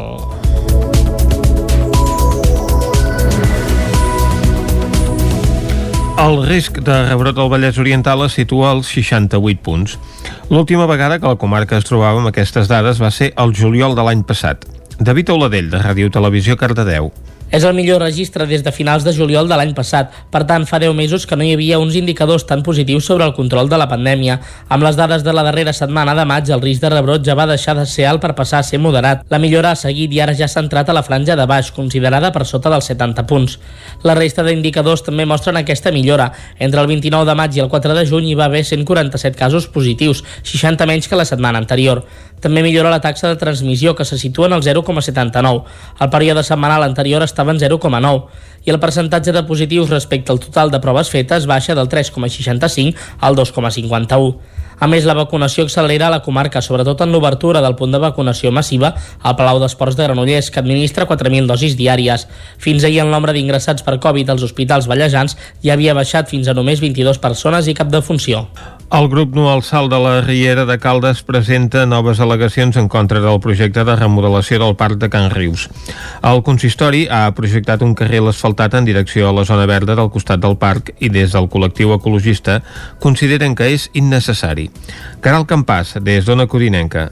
Aquest col·lectiu ecologista fa mesos que s'ha organitzat per aturar diversos moviments urbanístics que s'han intentat tirar endavant a la zona verda de la Riera de Caldes, el que es considera com el límit natural del poble i que, a més, molts calderins coincideixen en què s'ha de preservar. L'últim d'aquests moviments és en relació a l'aprovació d'un document on es contempla la modificació del Parc de Can Rius. A banda de l'enderroc dels murs del parc i altres transformacions internes, es contempla la creació d'un vial que desemboca a una zona verda. En parlava en aquest sentit Josep Maria Noguer, del grup No al Salt. Eh, això és com imprevisible perquè no sabem el motiu pel qual eh, es fa aquest vial. I clar, el millor és que se'ns escapa alguna cosa i, i és una cosa de futur que té molt de sentit, no ho sé. Però en tot cas no li veiem per cap costat. I com que no li veiem, diem, escolta, els diners que pugui valdre això, que em sembla que amb, amb els pressupostos que es remenen serien uns 30.000 euros, uh -huh. home, doncs gasteu-los en qualsevol altra cosa que calgui. Davant d'aquesta situació, des del col·lectiu han decidit presentar al·legacions per tal que l'equip de govern modifiqui el projecte i suprimeixi l'apartat que preveu la construcció d'aquesta carretera de doble sentit. Durant aquest cap de setmana han recollit 120 al·legacions que presentaran al consistori abans de divendres. En principi està en exposició pública aquest nou projecte i s'acaba l'exposició pública divendres. Per tant, entrarem les al·legacions que tinguem entre eh, demà i demà passat i després, home, eh, no crec que, que hagin de destinar més d'un mes. Un cop el consistori hagi processat les peticions, les podrà acceptar o rebutjar. Les obres de la quinzena edició del projecte Parelles Artístiques a Osona ja es poden veure des de divendres al Casino de Vic. Aquest any hi han participat una desena de parelles. L'afició a la mitologia i a la música psicodèlica dels anys 60 i 70 va forjar el vincle entre Joaquim Graner i Jaume TV. Fa mesos es van convertir en parella artística. Ho van fer en el marc del projecte Parelles Artístiques, que enguany, en la seva quinzena edició, s'ha desplegat a 14 comarques catalanes. A Osona s'han format 10 parelles que han convidat a treballar artistes amb i sense diagnòstic de salut mental, ho explica l'artista Joaquim Graner. S'ajunta un professional d'un àmbit artístic i s'ajunta amb eh, un de- del- d'osonament amb, un, amb una malaltia mental. El resultat d'aquestes fusions es pot veure des de divendres passat al passadís que porta fins a la sala modernista del Casino de Vic. La de Graner i TV porta per títol El fil de la vida i se centra en les tres normes de la mitologia escandinava. Ho detallen Jaume TV i Joaquim Graner. Vam estar tres o quatre trobades només parlant, de veure què, què ens agradava als dos, no? que, que, quina empatia teníem. A partir d'aquí vam fer començar a fer dibuixos i esbossos, idees, escoltant sempre la música dels anys 70, 80 que posàvem allà. I a poc a poc doncs, van sortint una sèrie d'idees no? que, que vam anar plasmant, primer gràficament fent esbossos, i després ja vam triar uns colors perquè vam dir, bueno, ens agradarien aquests dos tons. Jo bueno, tenia unes quantes idees, eh, en, en Jaume, que, que és un crac, doncs eh, va, va ensenyar-me diferents imatges de les que podríem partir per, eh, per una idea general i doncs després eh, eh, ho vam anar desenrotllant i ell hi va posar la part tècnica. Al torn de Parlaments hi va haver consens sobre els beneficis d'aquest projecte, sobretot a l'hora de contribuir a reduir l'estigma social envers la salut mental. Les obres es podran veure al Casino de Vic fins l'11 de juliol. Demà divendres es publica a tot el món Hardcore from the Heart, el cinquè disc de la bigatana Joana Serrat.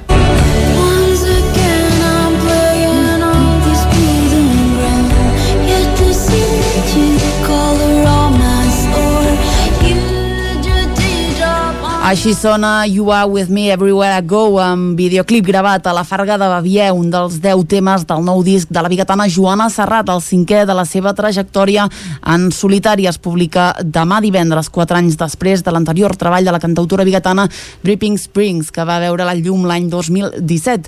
La pandèmia de Covid-19 ha endarrerit el llançament del nou disc produït per Ted Young i que Joana Serrat havia gravat a principis de l'any 2019 a Texas amb músics nord-americans. Joana Serrat Clar, el em va dir, ostres, en Joey, no? I com saps, el Joey i el Mackenzie Smith tenen ells un estudi seu a Denton i per això clar, per una banda va ser com, ostres, fantàstic doncs mm, torno a viatjar, anem a Texas estic a l'estudi de, del Mackenzie Smith i del, i del Joey McClellan a més a més amb l'opció de que clar, bueno, doncs incorporava un músic nou al bateria que és el Mackenzie Smith i amb qui tenia moltíssimes ganes de treballar el to introspectiu marca aquest nou treball de Serrat, Hardcore from the Heart. El títol, per cert, el va treure d'un llibre de la sexòloga i exactriu pornogràfica Annie Sprinkles. Em trobo en un terreny desconegut, eh, sento tota una sèrie d'emocions, eh, desitjos, fantasies, eh, pensaments eh, que em fan sentir tot sovint incòmode, però no els vull defugir, sinó que els encaro doncs, perquè, bueno, per fer aquest viatge personal, no? I vaig decidir que, ostres, venia... Bueno, això era com anell al dit, i vaig dir, doncs, bueno, li manllevaré. El concert de la presentació oficial del disc a casa serà divendres de la setmana vinent, el dia 18 de juny, a l'Atlàntida de Vic. Pere Cubí, la colla gegantera i ha dit els grellers de Sant Joan de les Abadeses són els guanyadors dels guardons Emma de Barcelona, Isaac Muntades, des de la veu de Sant Joan. El Sant Joaní Pere Cubí, la colla gegantera i dels grellers de Sant Joan de les Abadeses seran els guardonats de la quarta edició del certamen Guardons Emma de Barcelona, uns premis organitzats per la secció local d'Esquerra Republicana de Catalunya al municipi. Cal recordar que el procés participatiu d'aquesta edició va quedar parcialment interromput al gener de l'any 2020 pel tancament de comerços i les restriccions de la pandèmia. Per tant, l'organització va decidir ajornar ajornar-los fins aquest 2021. Els santjoanins podien votar a través d'un formulari en línia o de forma presencial a les urnes que repartien per la vila i tot seguit un jurat format per set membres, dos més que l'anterior vegada, feia el cribatge de quines persones i col·lectius s'apropaven als valors d'Emma de Barcelona per tal de ser votats. En total s'hi van presentar més de 80 propostes. El president de la secció local d'Esquerra, Sergi Albric, explicava els requisits que han de complir els guardonats. A persones individuals i col·lectius que hagin destacat per la seva dedicació al municipi, ja sigui a nivell social, associatiu, cultural, també que hagin posat en valor doncs, l'emprenedoria empresarial i també que hagin defensat el procés d'emancipació nacional o bé la llengua catalana i la cultura catalana. L'acte d'entrega dels guardons serà aquest dissabte a dos quarts d'una del migdia a la plaça de l'Abadia i comptarà amb la presència de la diputada al Congrés de Madrid, Montse Bassa, germana de la consellera empresonada Dolors Bassa, que farà una conferència per presentar el llibre Carregades de raons. Bassa explicarà quina importància ha tingut la seva germana a la presó defensant els drets socials de les preses. Tornant als premiats, en l'apartat individual, Pere Cubí és un pagès defensor de la terra que ha destacat com a observador meteorològic del poble entre els anys 2003 i 2016, una tasca que realitzava de forma diària i manual. Ha traslladat aquestes eh, dades doncs, a l'Observatori Meteorològic de Catalunya i, per tant, altres mitjans també s'han fet uh, difusió i ha estat durant molts anys una manera de situar Sant Joan en el mapa de Catalunya, que sortís cada dia a TV3 i, per tant, es donés a conèixer el nostre municipi. De fet, va ser de les primeres bases meteorològiques que hi van haver-hi i, per tant, diguem-ne que va ser, en certa manera, un, un pioner de la nostra zona en aquest àmbit. Cubi també ha tingut molta relació amb la veu de Sant Joan traslladant-los durant més d'una dècada les dades meteorològiques. Can Cubi, la casa on ha viscut tota la vida, és molt coneguda i arrelada al poble. Pel que fa a la colla gegantera i de grellers de Sant Joan, és una entitat que ha acompanyat el gegant Gentil Isaura des que l'escultor francès Fajula els va crear l'any 1980. El Bric en defensava la importància. Són centenars de famílies que han col·laborat a passejar i a donar a conèixer els gegants arreu del territori català i, per tant, fer aquests vincles que representen les viles geganteres i les colles, les colles geganteres doncs, arreu de Catalunya i que, per tant, això permet, doncs, a part de fer aquests vincles, doncs, tenir una festa major molt lluïda, perquè com més sortides fan els gegants, tots sabem doncs, que més gegants acaben vinguent a la festa major. A més, l'any 2019, Sant Joan va ser la vila gegantera de les comarques gironines que va comptar amb la presència de 35 colles. Les arts escèniques i la música, però cuidant la cultura d'arrel tradicional i popular. És l'esperit dels brots del Cant i la Font, que van arrencar dissabte passat al Santuari dels Munts i que continuaran durant els propers tres dissabtes per llocs emblemàtics del Lluçanès. Un taller de glosa va servir per arrencar la segona edició dels brots del Cant i la proposta alternativa que va néixer l'any passat després de la cancel·lació del festival Cant i la Font. Eva Freixa és membre del col·lectiu organitzador del Cant i la Font. Ens hem reinventat per seguir portant cultura lluçanès i ho hem fet en forma d'aquests brots, no? que l'any passat ja va passar per Nadal a les fàbriques del Puigneró a Sant Bartomeu, ho vam concentrar en un cap de setmana i aquest any el que farem durant juny i juliol és en quatre llocs diferents de Lluçanès eh, amb una programació més enfocada a la cultura popular però sense perdre sempre aquest tret característic del cant i la font com més contemporani. Però sí que bueno, doncs hem escollit quatre llocs diferents de Lluçanès on passa el camí de transhumància que serien quatre punts la primera cita va ser als Munts a Sant Agustí de Lluçanès, on es va fer un taller i una exhibició de glosa, així com un espectacle de circ amb farina. Núria Casals i Àlex Pujols van dirigir el taller. Sentim a la glosadora Núria Casals. El que pretenem és apropar la cançó improvisada a tothom, que sigui ben popular i tornar a recuperar aquesta tradició que pel que sembla doncs s'havia perdut una mica. El secret és llançar-se a la piscina, provar-ho i ja està, no té massa secret, eh? És perdre la por i posar-hi moltes, moltes ganes. Segur que et canvia la vida i que t'hi enganxa si ho proves. El taller s'havia estructurat al voltant dels quatre pilars de la glosa, la rima, la mètrica, la melodia i el treball de la idea, tot plegat sense deixar d'improvisar i sense gaire temps per pensar. Àlex Pujols. És un gènere molt, molt divertit, tant pels que cantem com per al públic. I això, eh, comencem amb un taller al matí, a la tarda hi ha la mostra, que és com una petita exhibició, demostració, on la punicana és qui ens posarà diferents proves i nosaltres allà en pocs segons haurem d'improvisar sobre els temes que ens proposin, amb les melodies que ens proposin i això, treballar la rima, la mètrica, idees enginyoses eh, i amb diferents melodies, això, tot el, el moment. Els brots del Cantelafont continuen aquest cap de setmana a Sant Adjutori d'Olost amb la música i poesia dels Carbonell. L'espectacle teia inspirat en les falles del Pirineu i la presentació del nou llibre de Ramon R barrejant tertúlia i performance. I fins aquí el butlletí informatiu de les 10 que us hem ofert amb Vicenç Vigues, Clàudia Dinarès, David Auladell, Caral Campàs i Isaac Muntades. I ara, abans d'anar cap a l'entrevista, el que farem és fer una ullada de nou a la situació meteorològica.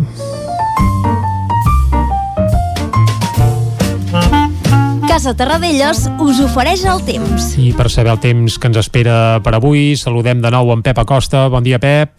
Hola, molt bon dia. I molt bona hora. Ja estem aquí, a l'espai del temps. Doncs va. Anem a fer una petita ullada el dia d'ahir. Va ser un dia d'estiu, calorós, i amb petites tempestes a la tarda. Van deixar uns 7 litres a Vic, 19 a Montesquieu, uh -huh. una altra vegada aquesta zona nord-est de Catalunya és on, ens, eh, és on estem nosaltres i és on van tornar a, a caure les tempestes, eh? Estem d'enhorabona perquè fa aquestes, uh, aquests ruixats, aquestes tempestes. I avui, avui, avui uh, serà aviam. un dia molt semblant, molt semblant al d'ahir, gairebé uh -huh. calcat. Uh, molt de sol al matí, uh, és que no, no, no hi ha cap, mm, cap canvi, uh, dia d'estiu, màximes de 30 graus, molta calor, mm, no, és que no, no tindrem cap variació, i a la tarda tornaran a créixer les nuvolades. Uh, puntualment poden tornar a caure en aquestes comarques, eh, les nostres comarques, sobretot Osona i Ripollès. Uh, hi ha un servei de... Hi ha un, un, un, avís de... un anunci, perdó, Servei Meteorològic de Catalunya, un parell que aquestes comarques poden ser tempestes fortes. Uh -huh. uh, molt semblants a les d'ahir, eh? Uh, entre 15 i 20 litres, uh, per tant, molt semblants a les d'ahir aquestes tempestes, tot i que sembla que seran menys, intens, menys intenses i menys extenses. No seran tan importants com les d'ahir pel que fa a la seva extensió i els seus litres. I això és tot, és que tenim un temps eh, monòtom, també hi ha molta dicotomia, eh, vull dir, hi ha llocs que fa molt de sol, hi ha llocs que no plou gens, eh, llocs que fan moltes tempestes fa molts dies, vull dir, és, és aquest temps que fa dies que, que estem tenint als nostres països i les nostres comarques. Moltes gràcies i fins demà, que faré un abans del cap de setmana, però ja dic que serà 100% d'estiu. Ah. Moltes gràcies. Adeu. Doncs va, ens quedem amb això, Vicenç. El cap de setmana serà d'estiu. A gaudir. Potser no plourà i tot. Va, celebrem-ho. Ara, amb aquesta empenta i l'alegria que ens encomana sempre en Pep Acosta, anem cap a l'entrevista. Casa Tarradellas us ha ofert aquest espai. Territori 17. Envia'ns les teves notes de veu per WhatsApp al 646 079 023. 646 079 023. WhatsApp Territori 17.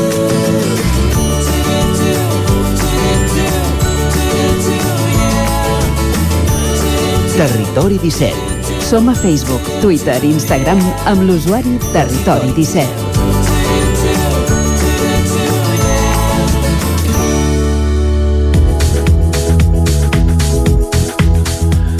Aquest dimarts a la tarda, el Palau de l'Abadia de Sant Joan de les Abadeses va acollir la presentació del llibre 10 anys de l'Institut Escola Mestre Andreu, a càrrec del director del centre escolar Miquel Mercè per celebrar precisament aquesta efemèride.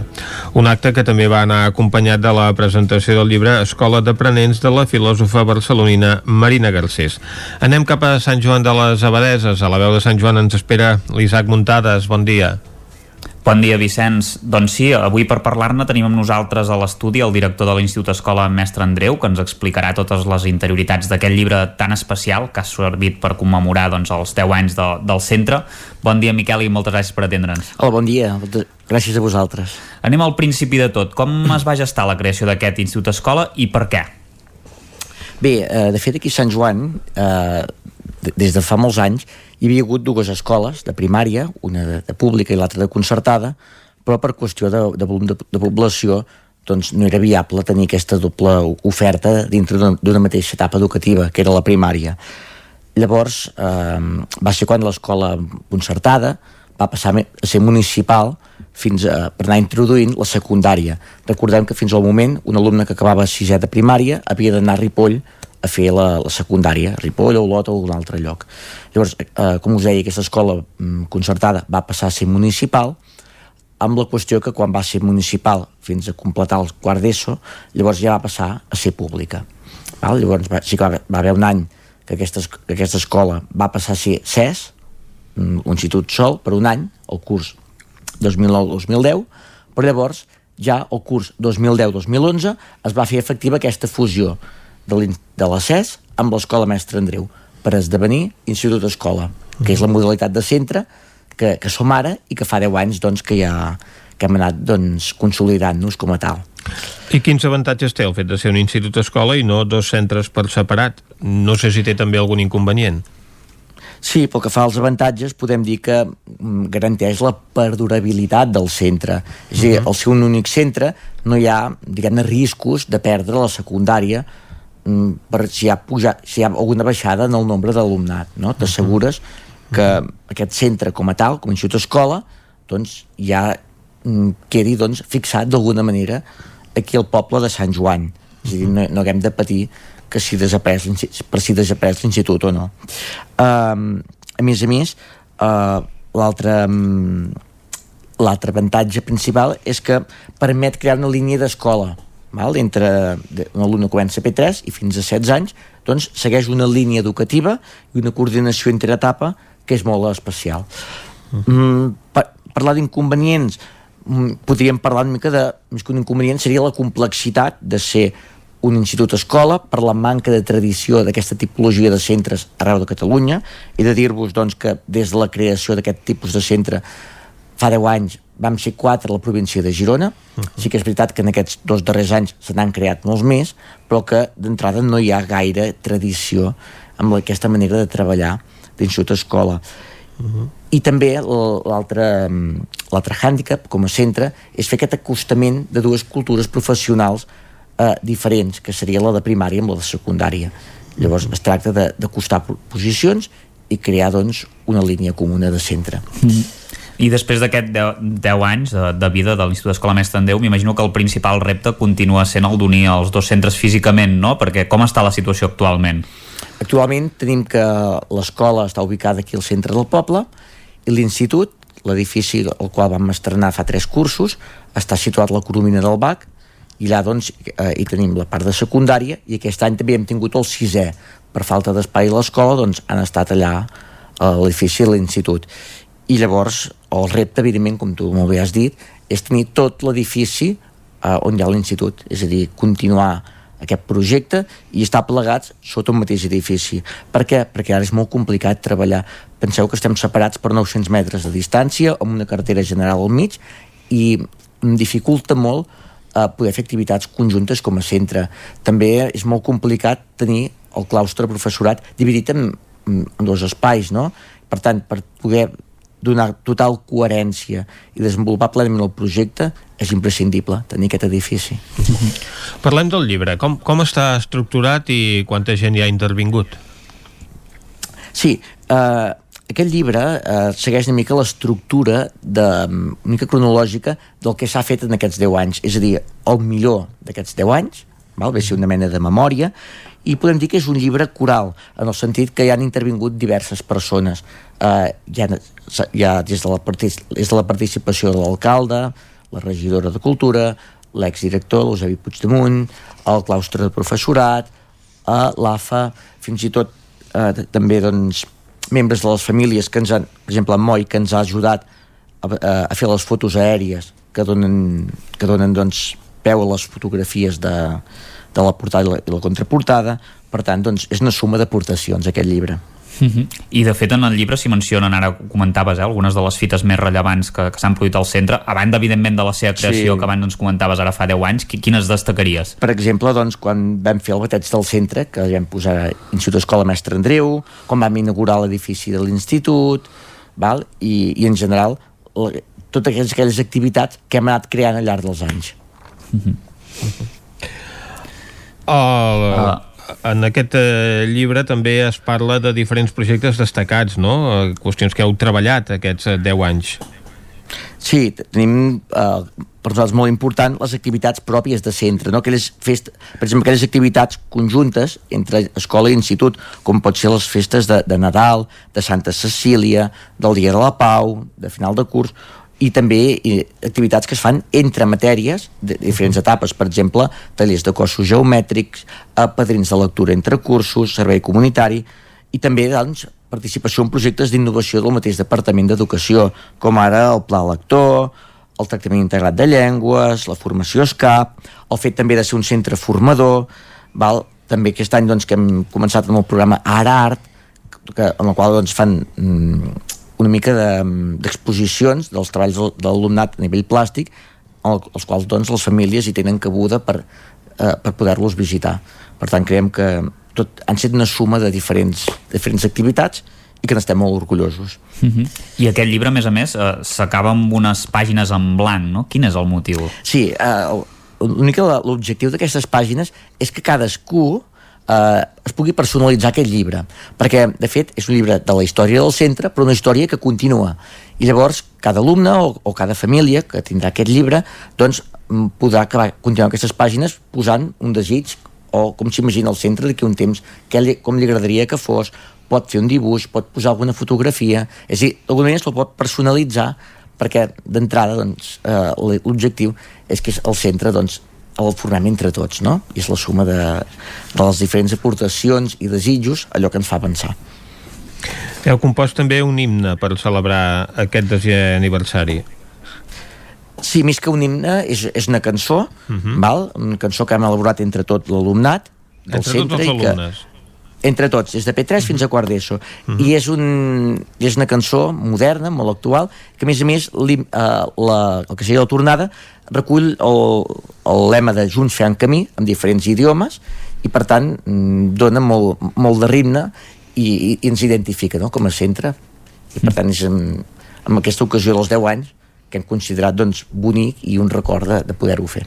Encara ens queden un parell de minuts, però no em volia deixar de preguntar de, de com va anar l'acte d'aquest dimarts. Suposo que també un plaer comptar amb la filòsofa Marina Garcés, que també va presentar el seu llibre a banda de, del vostre, no? Evidentment, eh, estem molt contents de, de l'afluència de públic que hi va haver. Agraïm, per tant, l'assistència de, de, de tots, mm, totes les persones que van venir, del món educatiu, dels membres del, del claustre del centre, de direccions de centres públics de, del Ripollès, també la representació del Consell Comarcal i del Departament d'Educació, dels serveis educatius, per tant va ser un acte que podem dir que va ser auster, però alhora molt emotiu i simbòlic pel, pel fet de celebrar aquests 10 anys que tots havíem viscut de molt a prop i que per tant representen una fita, no? un assoliment en, en, aquest, en aquest projecte de, de centre.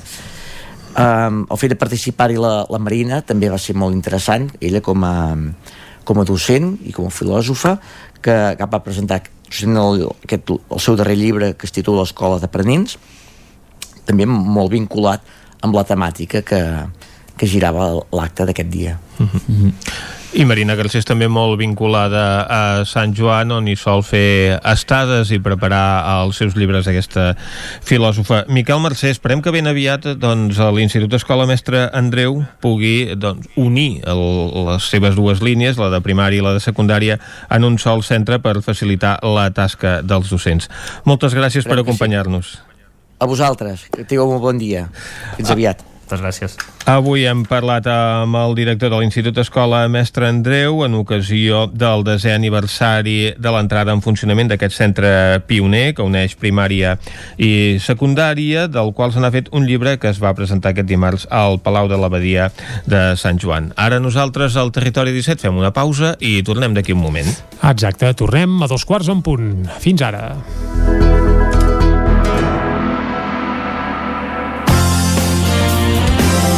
El nou FM, la ràdio de casa, al 92.8. Nou Baviera. La nostra proposta és senzilla, plena de sabors i valors. El nostre èxit és la senzillesa de la nostra carta amb productes frescos, de primera qualitat i de quilòmetre zero. Som especialistes en frankfurts, hamburgueses 100% de carn de vedella, entrepans i una de les millors patates braves de tot Vic. Amanides, plats combinats, tot al teu gust. Nou Baviera, ho fem per tu com si fos per nosaltres. Som al carrer Verdaguer número 36 de Vic. Impremta Mater, el servei de particulars i empreses. Fem catàlegs, llibres, papereria corporativa, targetes, fulletons i també venem material d'oficina i escriptori, bolígrafs, arxivadors, grapadores, llibretes i molt més.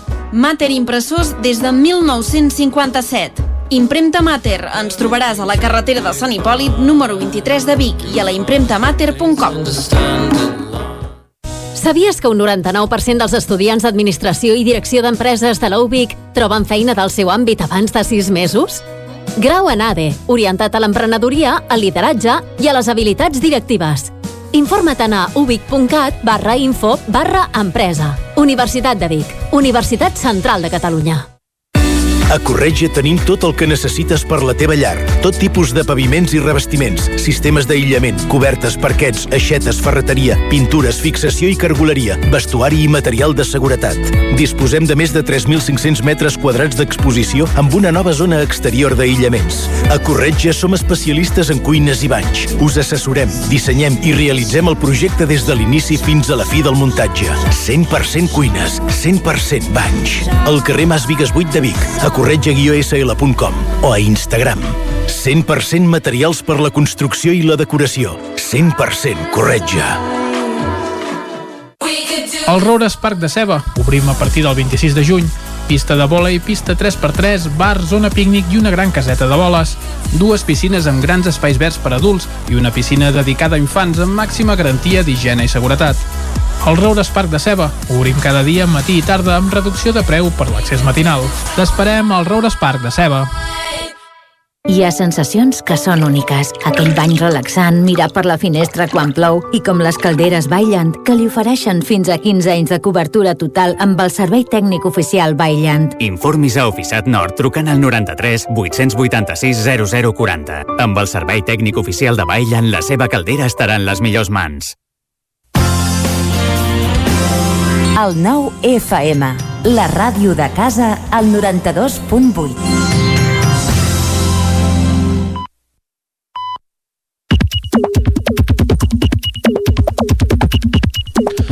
Són dos quarts onze i la Clàudia Dinarès ens té a punt els tuits més destacats d'aquesta jornada. Molt bon dia de nou, doncs sí, entrem a les xarxes socials. Avui comencem per un tema que ja vam tractar ahir, que era el tancament de l'escating. Concretament en Pau Vinyals del Mau eh, llançava ahir una pregunta a Twitter, deia i ara on aniran els supers pel seu cumple? I la Laura Serra, periodista de la comarca, deia a veure, després del tancament de l'escating, llocs d'oci boomer que ens queden i feia una llista. Catalunya en miniatura, el Tibidabo, Isla Fantasia o el poble espanyol. I Antoni Casares li deia el cicle de teatre Cavall fort dels diumenges al matí al Romea ja no es fa i la Laura Serra li contestava ui, què va, confirmació i adjuntava no, el Teatre Romea i efectivament el Teatre Romea els contestava els dos i els deia hola, actualment el cicle Cavall fort ja no es fa, però tenim el petit Romea Salut.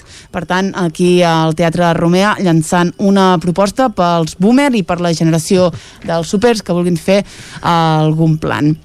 En fi, anem de Barcelona a Tona perquè l'Arnau Tordera primer, que ja sabem que és molt actiu a Twitter, ahir deia a les obres que tinc al costat de casa només faltava que s'hi sumessin una colla de gavatxos borratxos i sorollosos que han llogat la casa de l'altre costat. Ideal perquè emergeixi la inspiració. Uh, tot plegat ho acaba amb una, amb una emoticona d'una calavera. I la Isabel el contesta i li diu ho sento per tu, a França no se sol tolerar el soroll que molesti els veïns, ni música alta, ni gent parlant fort, i quan van de vacances aprofiten. T'ho diu una gavatxa que viu a Catalunya envoltada de veïns espanyols que fan festa tots els caps de setmana al jardí. Per tant, d'alguna manera l'Isabel li diu a l'Arnau Tordera que ho porta clar. Uh, canviem de tema, anem ara a Vic, uh, perquè ahir la Núria Coromina, bigatana uh, de tota la vida, uh, adjuntava aquesta imatge que ahir també vam comentar d'aquests elefants elefants, el 324 deia drons capten les tendres imatges del descans dels elefants migrants a la Xina, una imatge doncs força relaxant, no sabria com dir-ho. Uh, i la Núria uh, hi posava una mica de salsa i deia qualsevol de nosaltres a quarts de dues de la nit a la primera nit de festa que estigui permesa i sense límit d'horari per tant la Núria, eh, que més és membre de la festa major jove de Vic, doncs sembla que té ganes de que d'escampar una mica la boira. Exactament. I acabem amb, amb una piulada barra notícia. Avui Canvis en cadena diu bon dia, ja podeu fer les vostres aportacions a la campanya de crowdfunding. Som-hi.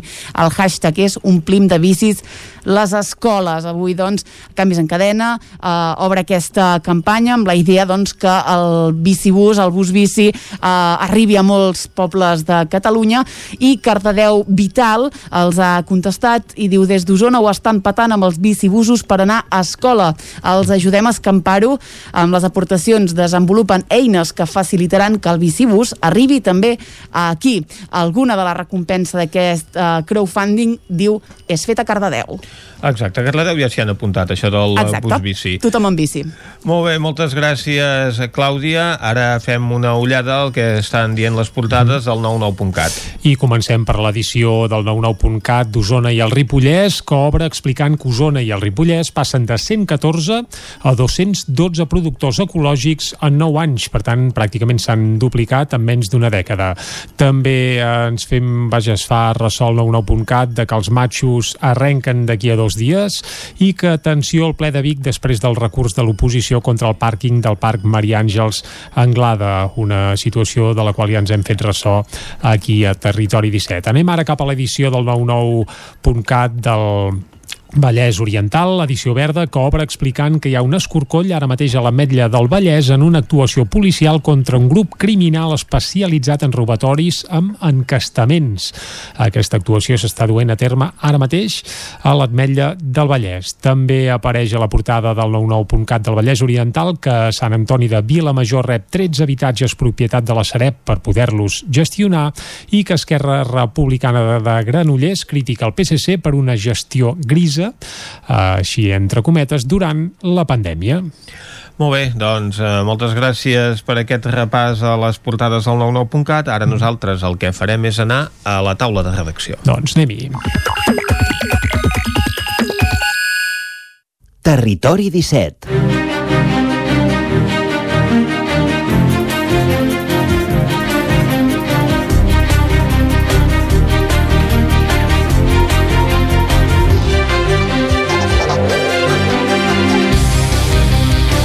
Avui a la taula de redacció ens acompanyaran en Guillem Rico i en Jordi Vilarrodà.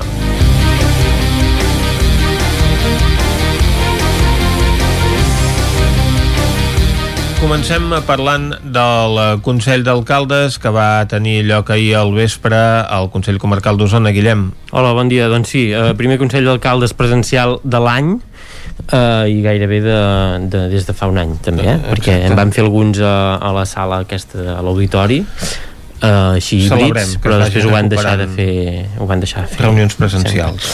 um, què va passar en aquest uh, Consell? Doncs es va aprovar el Pla Director de Vies Ciclistes un pla eh, que planteja això, fer aquests camins que uneixin peatonals, eh, que uneixin diferents municipis de la comarca d'Osona, ho centren sobretot a la part central de la comarca, la part més plana, diguem, mm -hmm i és un pla força ambiciós perquè planteja 41 carrils bici que enllaçarien això a les diferents poblacions que suposen, alerta, 152 quilòmetres de carrils bici uh -huh. són molts. i que valen 39 milions i mig d'euros de, fer-los, gairebé. Surt car el quilòmetre de bici. Sí, el que passa que és veritat que alguns d'aquests camins que estan dins el pla ja estan fets, com el de la Vall del Gest, també n'hi ha un entre Centelles i Hostalets que diria que també ja està, ja està en funcionament. Ja està en funcionament. Des per tant, alguns, mm. alguns d'aquests cèntims ja... Que no s'han inaugurat, perquè... Perquè no es podia. No es podia. Alguns d'aquests, i això, per exemple, precisament amb aquests confinaments perimetrals, doncs també han anat han sigut mm. bastant transitats amb la gent de, dels municipis. Ara mateix no està fent un de Sant Miquel de Balanyà a Tona també, uh -huh. un altre... Sí, alguns d'aquests han recollit, diguem que ja s'està fent i han, han fet el mapa aquest de, de tots els camins, això es va aprovar amb els vots a favor de, de tots els alcaldes i alcaldesses que hi havia, excepte una abstenció de Sant Quirze, que deia que no se'ls havia tingut en compte, que havien rebut el pla també feia set dies i que no havien pogut fer aportacions i no se'ls tenia en compte que, que perquè deien Lluçanès, eh, depèn de quines zones doncs era un altre tipus de, de, de, de, de, de, territori, de no? territori que per tant no, no podria ser però ells deien home de Sant Quirze a Montesquieu que No molta gent hi va a peu es podria fer perfectament i no se'ls ha tingut en compte aquests camins, aquests eh, 41 camins s'han classificat en, en diferents prioritats a l'hora de fer la, les inversions eh, alta, mitjana o baixa també en funció de, de la inversió que suposa i de l'estimació dels usuaris potencials que hi poden haver també alguns es plantegen això com per exemple aquest de Santa Eugènia no? de molts entre Vic i Santa Eugènia per treballadors de d'empreses de, determinades doncs, que hi ha aquest moviment uh -huh. de, de gent que el necessiten també per anar a treballar, no només per, per un passeig. Llavors aquests també també es prioritzen com a prioritat alta, per exemple, doncs, entre Vic i Gurb, el de Manlleu a les Masies de Voltregà, també hi ha aquest de la Vall del Gès que ja està fet, el, entre, un altre entre Vic i Manlleu, alguns d'aquests ja ja se n'havien anat uh, parlant. D'aquests camins uh, ja està bastant definit que, com haurien de ser, encara no hi ha els projectes executius que s'aniran desenvolupant a mida que es vagi trobant el finançament i, i de fet uh, això uh, passava pel Consell d'Alcaldes perquè així poden tenen una base per d'aprovar en aquest pla director eh, per anar a demanar diners per, per poder-los fer. Llavors els hi van explicar amb els alcaldes i alcaldesses doncs, les línies de finançament que hi ha eh, per, poder, per poder demanar ajuts per, per poder pagar aquests eh, aquestes obres. Aqu aquestes, uh, aquestes, uh, sí, exacte. Per tant, això, eh, com dèiem, se centra molt en, en aquesta part central de, de la comarca, més de, de la plana, per dir-ho d'una manera. Uh -huh. Per altra banda, també es va es va tirar endavant aquest informe de recomana aquestes recomanacions que hem anat parlant de, sobre els parcs fotovoltaics, aquí sí que hi va haver unanimitat, es va, van deixar molt clar que hi ha aquesta emergència climàtica que s'ha de treballar aquí, eh, parlaven d'aquest visor ambiental on es veuen eh, les peticions que hi han, deia clar, diu, n'hi ha moltes en groc que són aquestes peticions per macroparc que no, que no volen pel, pel tipus de model que és, uh -huh. n'hi ha algunes en blau que s'han autoritzat perquè són alguns de més petits com aquests que hi ha a Olost o, o Prats o a Tona i llavors també eh, el de Fulgaroles que sí que s'ha autoritzat i que semblava que si és agro, agro solar, em sembla que en deien eh, bueno, uh -huh. si, si pot combinar combinar també la ramaderia i l'activitat agrària no? eh, que estiguin les plaques més espaiades uh mhm. -huh. doncs també tampoc el veuríem malament el que que mm, remarcaven també és que no hi havia cap punt verd per tant eh, de feina n'hi ha per fer perquè encara no hi ha, no hi ha prou energia eh, d'aquest tipus que es produeixi des d'aquí. Ells apostaven això per aquesta autosuficiència i això sí, amb el model eh, amb el model limitat amb, amb aquestes 10 hectàrees, tot i això alguns municipis deien, home, si és això que combina amb la ramaderia doncs potser es pot ocupar una mica més i altres municipis deien que potser menys, depèn del lloc. I llavors també hi va haver un debat de micropobles que apuntaven des de Tabertet, per exemple, que deien clar, es parla molt de les teulades, de l'autosuficiència però Uh, clar, en municipis com Tabertet o Rupit um, deia, home, aquí és el no que, aquí s'atreveix a posar plaques solars a totes les teulades de Rupit? Mm -hmm.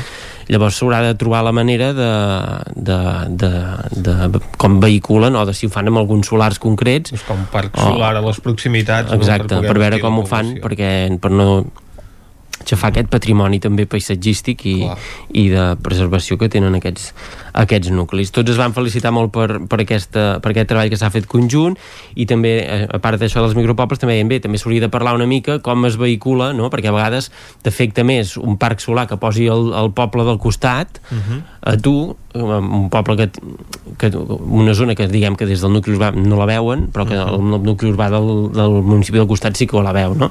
I llavors també deien una mica com s'ha de, com s'ha de vehicular tot això, però en general això, tothom molt conscient, molta consciència i també remarcaven el treball conjunt que en altres comarques no passa, de que tots vagin a la una amb aquest aspecte, i això sí eh, que s'han de posar les piles eh, n'eren tots molt conscients per, per tirar endavant projectes fotovoltaics per, per, per aquestes renovables que pel que deien eh, hi ha al voltant d'un 5% de, de producció als municipis, per tant és molt poc.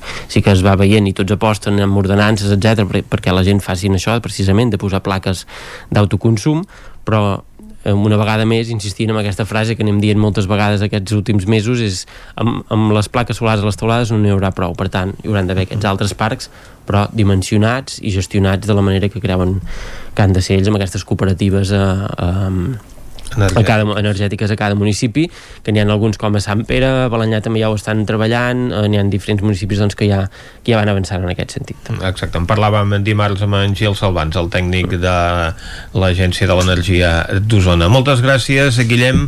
Ara nosaltres anem a parlar amb en Jordi Vilarrodat de l'Albergaria, que celebra els seus 25 anys, Jordi. Què alberga l'albergaria? Art, uh, bàsicament. I una sala romànica preciosa dins d'una sala romànica que, que és el que defineix sobretot aquest espai. Celebra 25 anys eh, aquesta iniciativa que va ser sorgint al seu moment com a centre de difusió cultural del Bisbat de Vic, de fet es diu mhm. així, o sigui, el nom oficial és l'Albergaria Centre de Difusió Cultural del Bisbat de Vic, aprofitant un espai que hi havia eh, sota el que era el local dels escoltes, el agrupament escolta de Guillem de Montrodon, i llavors van, hi havia una sala baix, van començar a dir que s'hauria d'arreglar, que s'hauria de, de, de destapar una mica aquella sala que no s'havia no s'havia eh, endreçat mai i fins i tot es va fer després una, una petita excavació arqueològica, era una sala eh, amb una volta de canó, diguem, de una volta de mig punt que, que és eh, molt bonica i que eh, un cop netejada es va demostrar que era un espai eh, no gaire gran però preciós i, uh -huh. i amb una iniciativa doncs, que en el seu moment va comptar amb una implicació de gent doncs, propera al bisbat i, de, i del mateix bisbat, en aquell moment del bisbe Guix que va donar llum verda que tirés endavant el projecte va començar a caminar aquest espai Uh -huh. eh, primerament doncs amb exposicions amb un parell d'exposicions relacionades de fet amb el, amb, amb el propi espai i aviat es van caminar cap a una cosa insòlita que és, eh, o sigui com a mínim molt poc practicada doncs, eh, aquí al nostre país que és un diàleg entre eh, l'espai que, que és religiós o que està dintre el complex de la catedral i que està gestionat pel bisbat i l'art contemporani, que són dues coses que no dialoguen gaire. O sigui, els artistes eh, abans treballaven per l'església, no? Els artistes i havien fet moltes obres i en tenim moltes mostres a tot arreu, però hi ha un moment que hi ha una, com, com un divorci de camins perquè eh, s'aparten uns dels altres, la mateixa església en, en, té, té dificultats per poder dialogar amb un món que, que ja no és, doncs, eh, que, que no depèn d'ells, que, no, uh -huh. que no està en sintonia amb ells moltes vegades i, i va poc als artistes, diguem. Potser l'últim, històricament, doncs, que va amb alguns artistes eh, eh, i, i que hi té contacte eh, és, és el bisbe Torres i Bages, en el cas de Vic, eh, però després eh, això eh, és, és un diàleg complicat. I sobretot quan entrem en el concepte d'art contemporani que, que, que ja doncs, eh, és un pas més. I, i per tant fer aquest diàleg no era, no era fàcil però s'ha aconseguit eh, va començar ja de gairebé des de l'inici de l'albergaria i ja han anat passant molts artistes exposant aquí sempre dintre aquesta línia d'art contemporani. I una -huh. cosa així, una experiència amb aquesta continuïtat eh, a Catalunya no existeix Té algun referent a Europa? Poquets. Eh, en concret, doncs, hi havia algun a Alemanya que va, va servir com a motiu d'inspiració d'aquest d'aquí, però, però que no ha tingut tanta continuïtat d'anys amb el temps. Ja han passat 73 exposicions durant aquest temps a l'albergaria, que aviat és dit, o sigui, 73 exposicions són moltes, a part d'altres activitats, de conferències o de concerts o d'altres, però eh, això vol dir que, que, que, han estat, que han estat moltes les exposicions i, i més els artistes encara, perquè en algunes hi havia més d'un artista, per tant estem parlant de 86 artistes que han mm -hmm. estat aquí a l'albergaria. Ara celebren els 25 anys amb una exposició que es diu La sorpresa de la persistència, inaugurada divendres passat. La gent pot anar i veure una mostra de cada, gairebé de cada una de les exposicions que hi ha hagut, o si no de moltes, a vegades és un sol objecte, o és una mhm. fotografia, uh -huh. o és no sé, i llavors hi ha un codi QR en un muntatge que deixa la sala molt atapeïda, un codi uh -huh. QR amb el qual la gent doncs, pot llegir més informació d'aquella exposició. O sigui, això d'on ve? De quina exposició va ser això? Aquesta fotografia, aquesta no sé què, aquesta imatge, aquesta escultura, eh, llavors llegeix amb el QR i allà uh -huh. se'n va doncs, a buscar eh, informació del moment de l'any X que hi va haver aquella exposició. I tot això, aquesta mostra estarà oberta fins a mitjà mitjans de juliol aquí a l'Albergaria i de cara a la tardor es preveuen més actes. Molt bé, doncs anirem parlant també de cara a la tardor. Jordi, moltes gràcies. Tanquem aquí la taula de redacció. Territori 17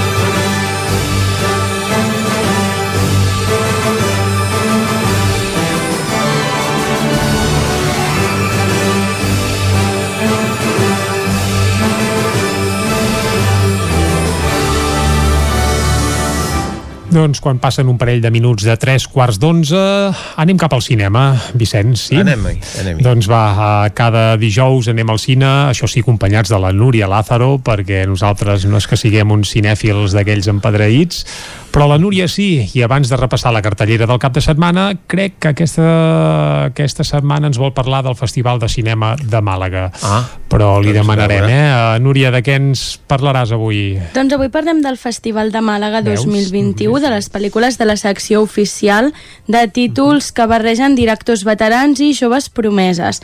Des del dia 3 de juny i fins al proper 13 s'està celebrant aquesta nova edició del Festival de Màlaga que barreja un munt de directors, des del director Oliver Laxe, que rebrà el Premi Màlaga Talent, fins al cineasta Mariano Barroso, que rebrà el Premi Retrospectiva. Avui el que farem serà repassar algunes d'aquestes pel·lícules que opten, que estan dins de la secció oficial. Yesterday, when I Artistas que copian, que fingen ser otros. Aquí la mayoría de los camareros lo que quieren ser es artista. En Benidorm, los artistas y el público participan de la misma mentira, convirtiéndola en verdad. Doncs comencem amb el cover de Secund de la Rosa, és la pel·lícula amb la qual s'ha inaugurat aquest festival. És l'òpera prima musical de Secund de la Rosa que se centra en la història del Dani, un jove que ha heretat de la seva família l'amor per la música i també la por al fracàs. Així que treballa de cambrer abans de malviure del seu somni amb els seus pares. Aquest any, com cada estiu, Benidorm s'omple d'artistes que venen a cantar als seus bars, hotels i sales de festes. Allà el Dani coneix a la Sandra, qui canviarà la seva forma d'entendre l'art. Al repartiment trobem a la Carolina Juste, la Marina Sales, l'Àlex Moner, la Carmen Machi, la Maria Herbàs, el Juan Diego, bueno, moltíssims. Eh, no sé, faltarà per veure què tal ha estat aquesta pel·lícula. El cover de Secund de la Rosa. ¿Te puedo preguntar por qué llamaste a este pueblo? Vi el anuncio y llamé. Mi plan es estar entre solo y solísimo. Pues entonces te va a encantar Quintanar.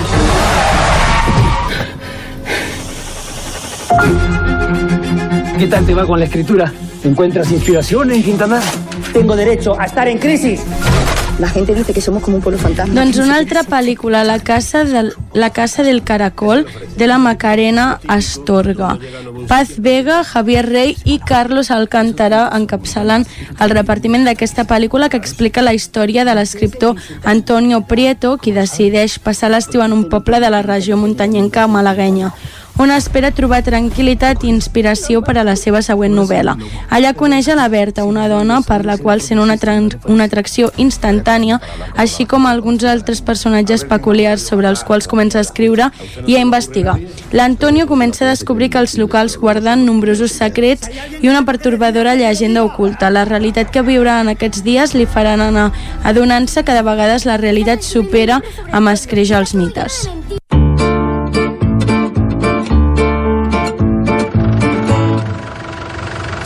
He esperado mucho para ver tu mejor foto. Vamos a reducir plantilla. Que tengas suerte. Solo serán unos días, de verdad. Y Marta, que no te preocupes. Pues quédate todo lo que necesites. Venga, va, por el reencuentro. No sé, Lili, de verdad me siento la persona menos carismática del planeta ahora mismo. ¿Y cómo te va? ¿Que no se te ve el pelo? Muy bien, me va muy bien. Pues yo, mira. ¡Que me case! Doncs pel·lícula de la Carol Rodríguez Colás, Chavales. La Vicky Luengo, la Carolina Juste, l'Elisabet Casanovas, l'Àngela Cervantes i l'Anna Fernández interpreten a la Marta, la Desi, la Soraya i la Bea, unes amigues inseparables en l'adolescència que tornen a retrobar-se al barri per reviure l'amistat que les va unir, compartir noves aventures juntes i fer, i fer front als dilemes que les envolten. Una realitat que les obligarà a enfrontar-se a aquelles adolescents que van ser ja les dones que volen ser. Gairebé sense adonar-se s'ajudaran a prendre decisions importants en les seves vides. El pas del temps i lo diferents que són no serà excusa perquè la seva amistat prevalgui eh, sobre tota la resta.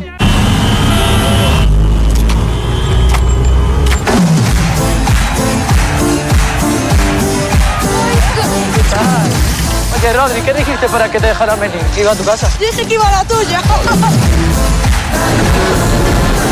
¡Todos juntos siempre! ¿Qué vais a buscar la flor?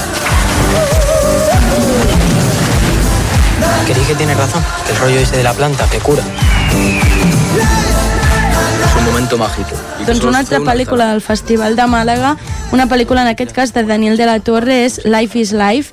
De la Torre ha adaptat una novel·la d'Albert Espinosa ambientada a l'estiu de 1985. Com cada any, en Rodri deixa Catalunya i torna al poble gallec dels seus pares per retrobar-se amb la seva colla. No obstant això, aquest any és diferent per ell i pels seus amics. Els problemes del món real comencen a aparèixer en les seves vides, amenaçant amb separar-los. Aferrant-se a l'amistat que els uneix, els cinc amics planegen escapar-se la nit de Sant Joan a la recerca d'una flor màgica que, segons explica la llegenda, creix a la part alta d'una muntanya i pot fer que els desitjos es facin realitat, perquè el, el seu únic desig ara és resoldre el problema del seu amic amb dificultats i amb això poder seguir junts. Una aventura que els farà créixer a través d'un fascinant camí ple d'acció, emoció i esperança i que els deixarà en el record per sempre d'aquell estiu en què de fons sonava Life is Life. Mírala ahí, la descarada. ¿Y tú, vuelves? Todavía eh, no tengo la misma libertad que tenía. Acompáñame allí que tomemos un break. ¿Tú estás segura que podemos estar aquí? Además, que lo peor que no puede pasar. Doncs una altra pel·lícula, Festival de Màlaga, pel·lícula de la Judit Colell, amb 15 hores. La música els va unir Laura Assolista en la secció de primers violins i el Manuel, el director d'orquestra de moda, són el matrimoni més envejat del país. Artistes famosos i rics, la seva relació amaga un secret inconfessable. Ell la maltracta, cosa que ella ha amagat durant massa temps. Un dia, farta del seu infern incomunicat, Laura decideix fer el pas i demanar ajuda. Llavors passa el que sempre havia sospitat, però mai es va atrevir a confirmar.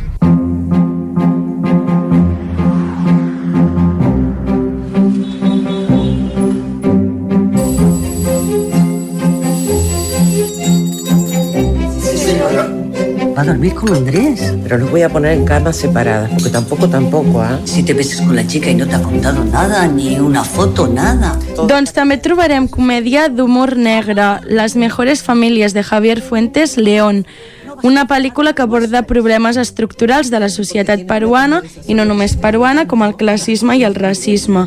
La Luzmila i la Peta són dues germanes que treballen com criades per l'Alicia i la Carmen, dues senyores aristocràtiques del Perú.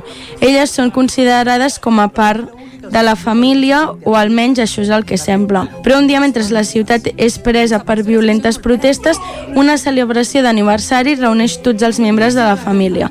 Un secret guardat durant molt de temps per les dues famílies és revelat, explotant així la bombolla del seu perfecte món aristocràtic. Primer de tot, és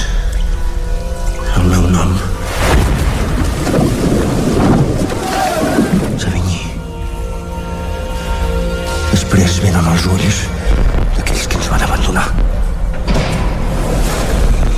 Doncs pel·lícula catalana de l'Agustí Villaronga El ventre de la mar. El, està ubicada en el juny de 1916. La fregata de l'Alliance de la Marina francesa embarranca en un banc de sorra davant les costes del Senegal. Al resultar inútil l'intent per alliberar el casc, no queda més remei que abandonar la nau. Com els pots disponibles no són suficients per acollir a tots els tripulants, es construeix una bassa d'uns 12 metres de llarg i 6 d'ample. En aquella embarcació precària obliguen a pujar a 147 homes, soldats mariners, algun passatger i uns pocs oficials. El pla d'evacuació de la nau preveu que els bots disponibles el remolquin fins a la riba. El pànic i la confusió s'apoderen del comboi. Per covardia o inaptitud, els pots perden contacte amb la bassa. La soga que el remolc es trenca o algú la talla. El corrent els arrossega i desapareixen a l'horitzó. Un horror que va durar dies i dies, un escenari en què es va mostrar la pitjor de les crueltes i la més dolça de les pietats. L'Agustí Villaronga adapta un dels relats publicats per Alessandro Barrico a Oceà Mar amb un repartiment encapçalat per Roger Casamajor, Òscar Capolla i Munimo Diallo.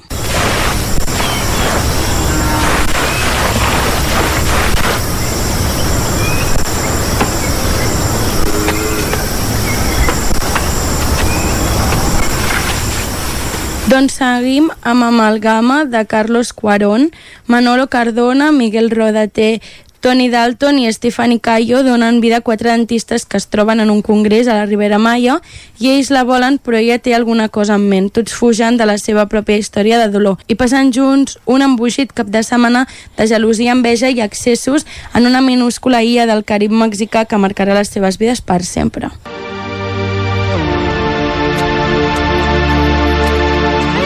En serio, ¿que, dónde quieres que vaya? ¿Me vas a dejar en la calle, Ade?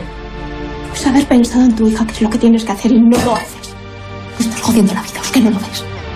Al menos yo tengo a alguien a quien joderle la vida. Caigan las columnas del cielo cuando llegue mi hora final. ¿Nos podemos quedar contigo esta noche? Quédate con Leila.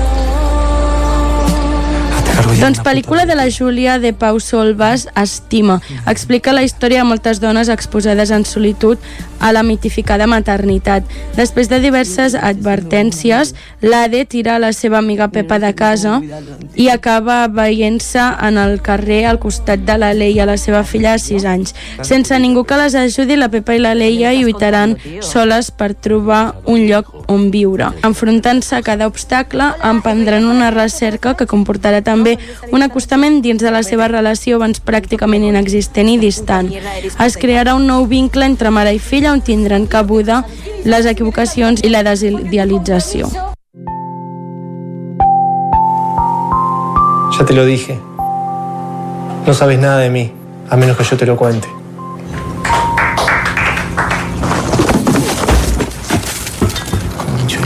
¿Sos sordo? Pedí perdón, te dije. ¿Qué haces? No las pises. Tanto lío por una fotito de mierda.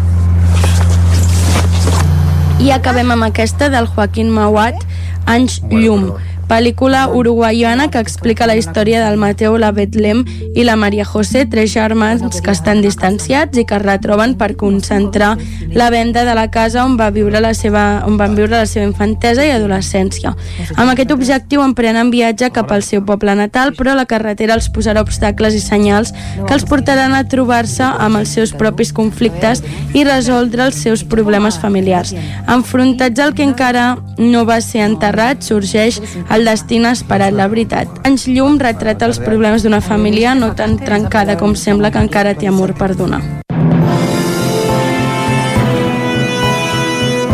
No t'ho perdis. Estrenes de la setmana.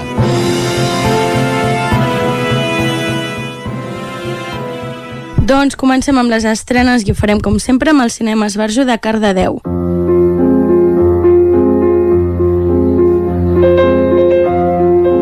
om I har lyst til at starte aftenen med lidt champagne. Det lyder dejligt. Øh, jeg er i bil. Jeg skal bare have en øh, dansk vand øh, uden citrus. Uden citrus, ja tak. Ja. ja. Hæft, det er godt det her. Øh, ja, det er sgu synd, du er så fornuftig.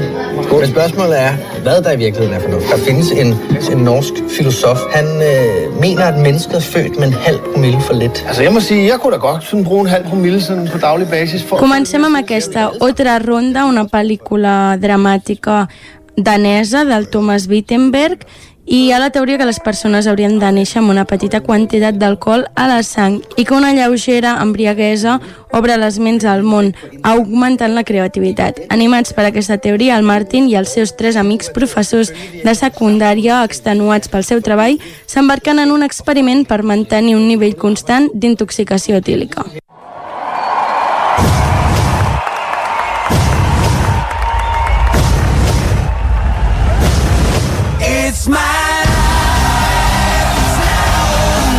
Doncs passem ara a les estrenes del cinema Sucre. Comencem amb aquesta Bon Jovi From Encore Nights. És una pel·lícula, bueno, és un concert. El grup Bon Jovi, membre del Saló del Rock and Roll, arriba a les pantalles de tot el món amb un nou i exclusiu espectacle de durada completa. El concert mai abans vist s'ha gravat en directe a Nova Jersey i s'emetrà als cinemes de tot el món. Al llarg d'una il·lustre carrera que abasta més de tres dècades des de la seva formació al 1983, Bon Jovi s'ha guanyat el seu lloc entre la reialesa del rock mundial i ha estat inclòs en el Saló de la Fama del Rock and Roll, així com en el Saló de la Fama dels Compositors. Amb més de 130 milions d'àlbums venuts a tot el món, un, un extens catàleg d'himnes d'èxit, milers de concerts realitzats en més de 50 països per a més de 35 milions de fans i una recaptació d'entrades que supera els 1.000 milions de dòlars a tot el món només en l'última dècada. Jovi és la banda de rock and roll consumada.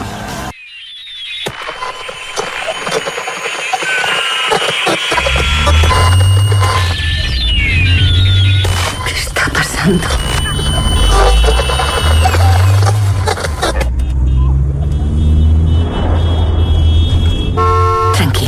Mamá. Sí. ¿Qué está pasando? Doncs aquest divendres al cinema Esbarjo es farà una marató de la pel·lícula Un lugar tranquilo i Un lugar tranquilo 2.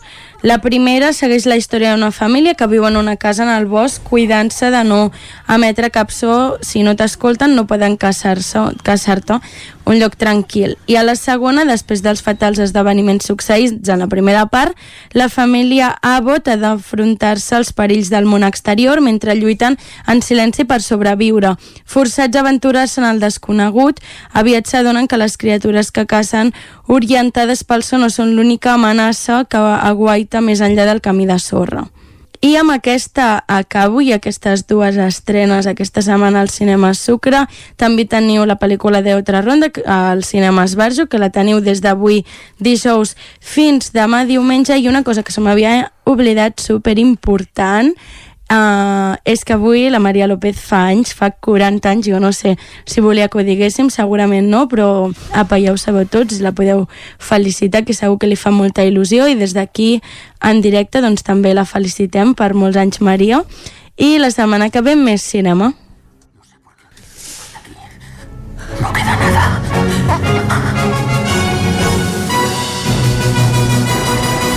Home, doncs el primer que farem, Vicenç, abans de donar pas al butlletí informatiu de les 11, és felicitar la Maria López Oh, per aquest seu 40è aniversari. Ho fem públicament aquí, tal com ha fet la Núria. Fixa't tu que és més jove que Televisió de Cardedeu. És veritat, ves per on. doncs res, per molts anys a la Maria i nosaltres ara, quan són les 11 i 4 minuts i mig del matí, us acostem de nou l'actualitat de casa nostra, l'actualitat de les comarques del Ripollès, Osona, el Moianès i el Vallès Oriental. Territori 17, amb Vicenç Vigues i Jordi Sunyer.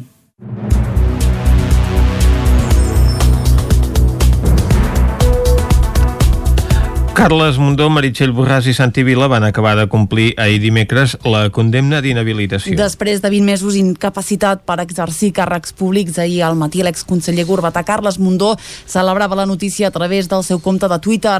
Tot plegat el dia en què es complien 4 anys del tancament de la presó model de Barcelona, un centre penitenciari que va tancar portes durant el seu mandat al capdavant del Departament de Justícia.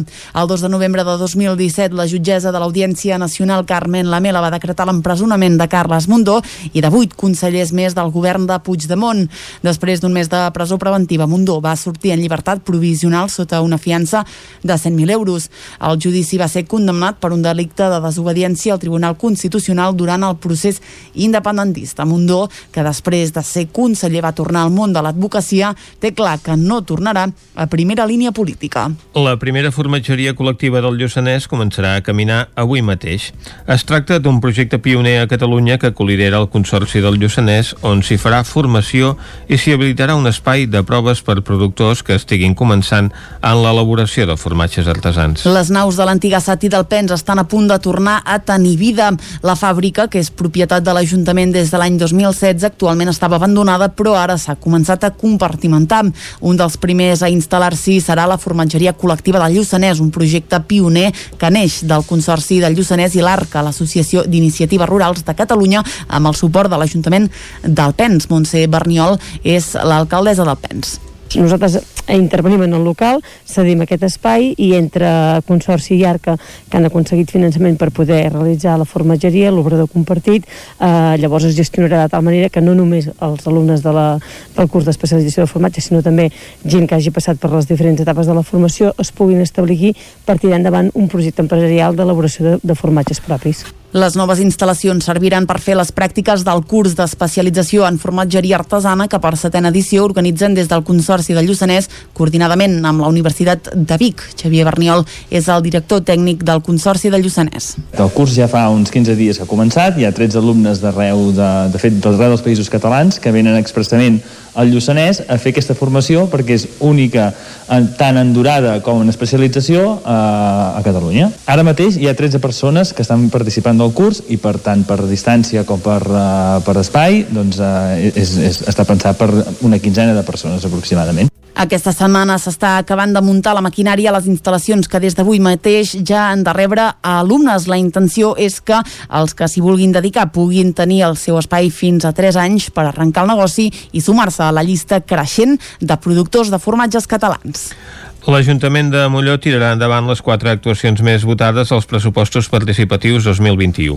Isaac Muntades, des de la veu de Sant Joan posar tanques als compactadors i càmeres de videovigilància per sancionar les conductes incíviques, netejar els rius i espais naturals, esterilitzar els gats de carrer i comprar material esportiu i canviar els taulers de minibàsquet a la pista poliesportiva han estat les quatre actuacions més votades als pressupostos participatius de Molló d'aquest any 2021. Segons els resultats aportats per l'Ajuntament, s'han emès 72 vots d'un cens de 325 persones, una xifra que suposa un percentatge de participació del 22,15%. Hi ha hagut 69 vots vàlids, un 96%, i 3 que han estat nuls. Cal recordar que aquest procés de participació es va iniciar el passat 1 de febrer i durant un mes i mig es van poder presentar les propostes. Després va haver-hi 15 dies per estudiar-les i validar-les, les quals es van presentar públicament i finalment del 3 al 31 de maig es van fer les votacions. La proposta més votada, amb 37 sufragis, va ser la de posar una tanca de compactadors i càmeres de videovigilància amb un cost de 5.250 euros, que ha de servir per dissimular l'impacte visual dels compactadors i controlar les conductes incíviques respectivament. La neteja de rius i espais naturals, que costa 1.800 euros, va obtenir obtenir 31 vots. Aquesta actuació consistirà a organitzar 5 sortides amb voluntaris per netejar els rius, les lleres i altres espais naturals. L'Ajuntament pagarà el material de recollida i l'esmorzar dels voluntaris. També es gastaran 5.000 euros per esterilitzar els gats i controlar les colònies d'aquests animals. La proposta va aconseguir 30 vots. Finalment, per un import de 980 euros es comprarà una caixa amb pilades de futbol amb vol i bàsquet al poliesportiu que podran ser utilitzades per tothom i retornades quan s'acabi l'activitat. També es canviaran els taulers de les cistelles de minibàsquet perquè les actuals ja estan trencades. Aquesta actuació va rebre 27 vots. En canvi, es va quedar fora l'actuació de millorar els parcs infantils del poble, que va ser quarta amb 26 vots. Cal destacar que les actuacions tenen un cost total de 13.030 euros, per tant han sobrat 1.970 euros dels 15.000 amb què comptava la partida per fer aquests pressupostos participatius. La teràpia assistida en cavalls i el horseball són dues de les activitats que s'ofereixen a les hípiques de Cardedeu. David Oladell, de Ràdio Televisió, Cardedeu. Al centre d'equitació Quinova, que està situat entre Cardedeu i Corrodamunt, es realitzen classes d'equitació, horseball i existeix una gran demanda d'activitats extraescolars i casals. A part d'aquestes activitats es troba l'Oasi Quinoteràpia, un projecte que treballa la teràpia assistida amb cavalls per persones amb alguna diversitat funcional per millorar aspectes psicològics i emocionals. Laia Illa, quinoterapeuta del centre d'equitació Quinova. Bueno, utilitzem el, el cavall com a recurs, no? com a company nostre, de, com a motivador, facilitador, per treballar alguns aspectes amb nens amb alguna discapacitat a una diversitat funcional, amb persones amb, bueno, amb necessitats concretes, no? educació emocional, equitació terapèutica, hipoteràpia i de més, no? per com, utilitzar aquesta eina complementària per treballar alguns aspectes psicològics, cognitius, emocionals, físics, socials. Amb aquest tipus de teràpia s'obtenen beneficis físics però també psicològics. Es pot arribar a recuperar l'autoestima, treballar la confiança, la seguretat i treballar el contacte visual, com és el cas de nens amb autisme. Laia Illa en tenim un, uns beneficis que ens aporta directament el cavall, no? com, a, com, a, com a animal té uns, uns principis bàsics, no? que seria, per exemple, la, la transmissió del patró locomotor molt semblant a la nostra marxa, nens que, que no tenen, que tenen una alteració a la marxa o van amb cadira de rodes, etc. el fet de pujar al cavall, no? i ens aporta aquest patró de locomoció que ells no poden, no poden fer servir. No? Llavors aquest, aquest patró està donant uns estímuls no? i que envia el cervell i aquí estem treballant. No? Aquesta teràpia ha ajudat el centre a acollir més clients en un moment de crisi sanitària i en molts casos psicològica. Monistrol de Calders acull aquesta setmana Murmurs. Es tracta d'una mostra d'art urbà organitzada des de Cal Ros, l'espai d'art del municipi, que reunirà una dotzena d'artistes del país. Caral Campàs, des d'Ona Codinenca. Durant aquest cap de setmana, Monistrol de Calders està duent a terme diferents activitats relacionades amb l'art urbà. Les entitats, l'escola o el casal d'avis són alguns dels grups que ja han pogut celebrar alguna activitat. Patrice Blancart, tècnic de cultura del poble, explicava la reacció de la gent gran després de les activitats al casal. Doncs magnífica, magnífica. I de fet és, és una idea que teníem eh, sempre al cap eh, quan hem començat a pensar en art urbà. Eh, explicar què és l'art urbà i descontextualitzar-ho. Eh? Jo crec que és important eh, donar la possibilitat a, a tothom poder entendre i participar per, de manera a poder, eh, poder entendre millor.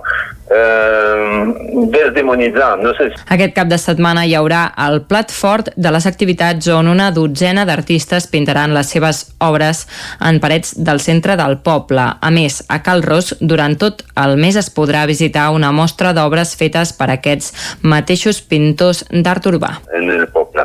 Llavors, eh, des, eh, durant els tres dies que dura la mostra, eh, els eh, artistes doncs, intervindran eh, 10 parets. Són 12 artistes i 10 parets perquè alguna paret doncs, eh, la pintaran dos, dos artistes, no? que són eh, parets més grans i ho, ho pintaran, diguéssim, a quatre mans.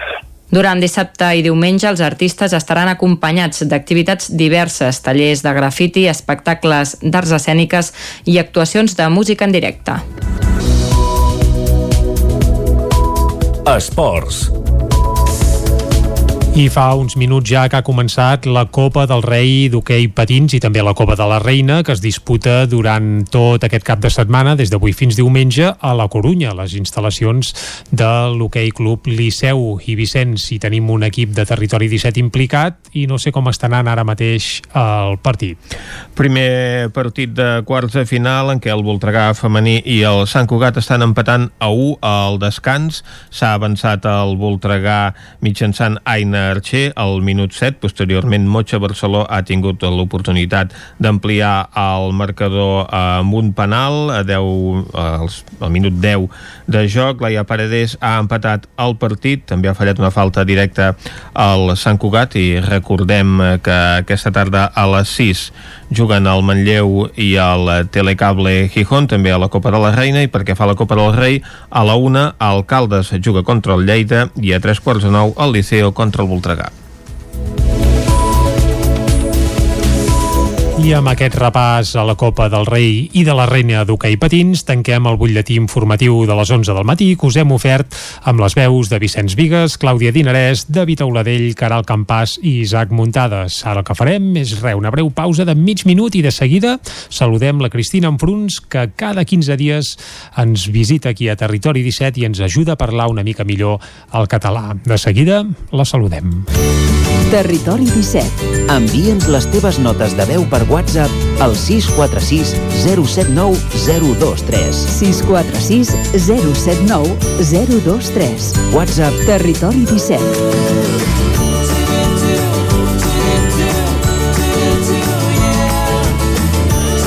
Territori 17.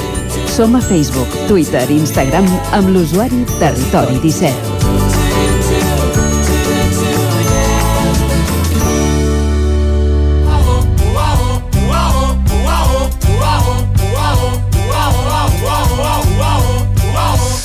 Doncs quan és un quart de 12 del matí, Vicenç, és el moment d'aprendre a parlar una mica millor el català Sí, senyor. i qui ens ajuda a fer-ho és cada 15 dies la Cristina Enfruns. Aquí ja podem saludar. Cristina, molt bon dia Hola, bon dia.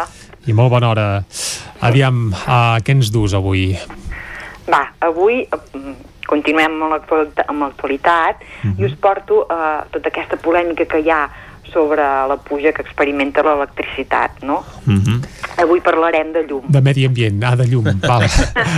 Sí, sí, de factures elèctriques que De costen llum. molt d'entendre, però alguna vegada ho hem intentat fer i fer una mica de pedagogia Diuen gràcies no als es pot, companys de l'Agència de l'Energia d'Osona, però vaja, avui ho farem des del punt de vista lingüístic, eh? Clar, hem de saber si la factura se'ns puja o puja.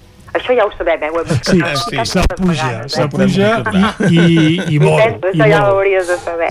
Com una persiana, sí, a, senyor. a baixar no cal que ho aprenguem. Sí, hem de parlar de, de eh? factures i de llum, sí. Va, doncs bé, avui vull parlar de llum i és que cal que vigilem perquè llum pot ser masculí o pot ser femení, no? Segons el gènere que fem servir tindrà un significat o un altre. Llum femení pot ser eh, la, que ens permet... Eh, un moment, eh? La llum, la llum, sí. és el que ens permet veure les coses, és, és bàsicament la claror, eh? Per exemple, en serien eh, la llum de la lluna o bé la llum que entra per la finestra, claror, per tant, eh? També en femení és la que fa referència a aquest tema de què hem parlat, eh? la de l'energia elèctrica. Per tant, la factura de la llum, de la llum. Uh -huh. I vigilem també, perquè sovint ho diem malament, quan ens tallen la llum, no ens tallen el llum, eh? que aquest sí que a vegades el fem malament, eh? el gènere, uh -huh. per tant, ens tallen la llum. En canvi, en masculí, llum fa referència a l'aparell que serveix per fer llum. Eh? Per exemple, s'ha deixat els llums encesos. Per tant, una cosa és la llum de claror o d'electricitat i l'altra és el llum, és eh, l'aparell que, que, que ens dona la llum, per dir-ho d'alguna manera. Una Eh? bombeta, una làmpara que diem el llum. Doncs Això, eh? exacte, Mhm. això és l'aparell físic. Mm, També en masculí, en sentit figurat, fa referència a persones en expressions com estar com un llum o, o, o ser un llum, eh? ser un inepte. Altra cosa és l'expressió que molt fem servir molt i molt, que és donar llum verd o donar llum verda. Què hem de dir? És una pregunta que moltes vegades ens fem. Doncs va, Eh? Com ho hem de fer servir? fem-la de nou. Com ho hem de fer anar, això? Doncs bé, això donaria per una altra sessió, eh? perquè és una discussió molt viva. Tot i que potser per nosaltres ens sona millor en femení, perquè és l'opció triada per, per, els, per la majoria dels mitjans de comunicació, eh? com per exemple a la Corporació de Mitjans Audiovisuals, i per tant ens sona millor fer-ho en, en femení. Però, per exemple, el diccionari normatiu ni en parla. Per tant, és una discussió que molts dels entesos eh, optarien per l'opció eh, en, en masculí, per moltes raons que donen, eh, que és, és llarg d'explicar, però que a nosaltres ens sona millor potser en femení per això, perquè és la més usada, per, la que més sentim, per dir-ho d'alguna manera. Per tant, queda aquí penjat, eh? Un altre dia potser en parlarem. Va, doncs ens ho posem de deures. I després, eh, Cristina, encara ens quedaria allò de donar a llum. Uh, altrament dit parir. Uh, Sí, sí, estaria igual. per on És ho hem bona. d'agafar aquí? És no, bona? No, és bona, sí, sí. Mhm. sí, sí. Podré, podríem fer-la servir. Sí, sí, sí. I també una altra cosa que us volia parlar és que segur que us demaneu a veure què, què, què hem de fer. Obrir i tancar el llum o bé encendre i apagar el llum. No sé si ja heu fet mai la pregunta. Per anar bé tan Què cal, hauríem de perquè així no gasta. sí, sí. sí, sí.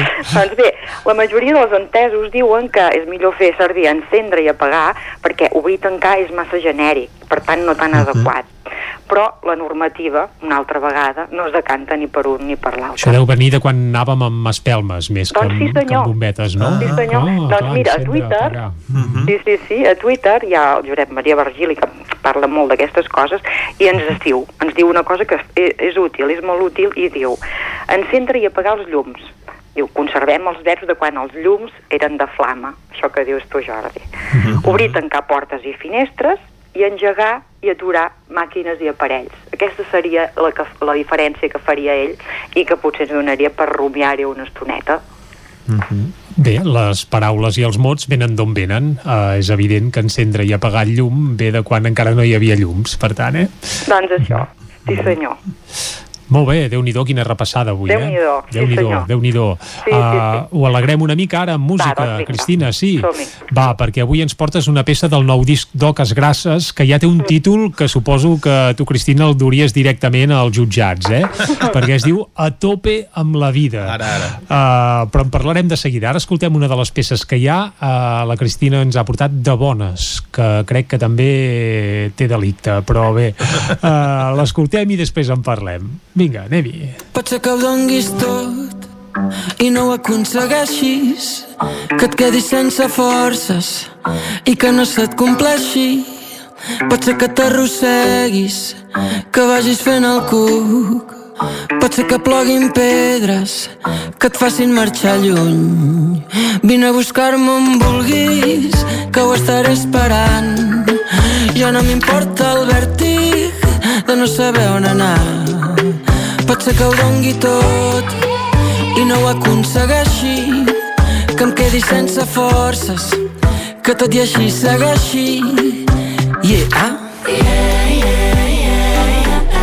Tot el que no entenem és tot el que ens va omplint. Pot entrar la llum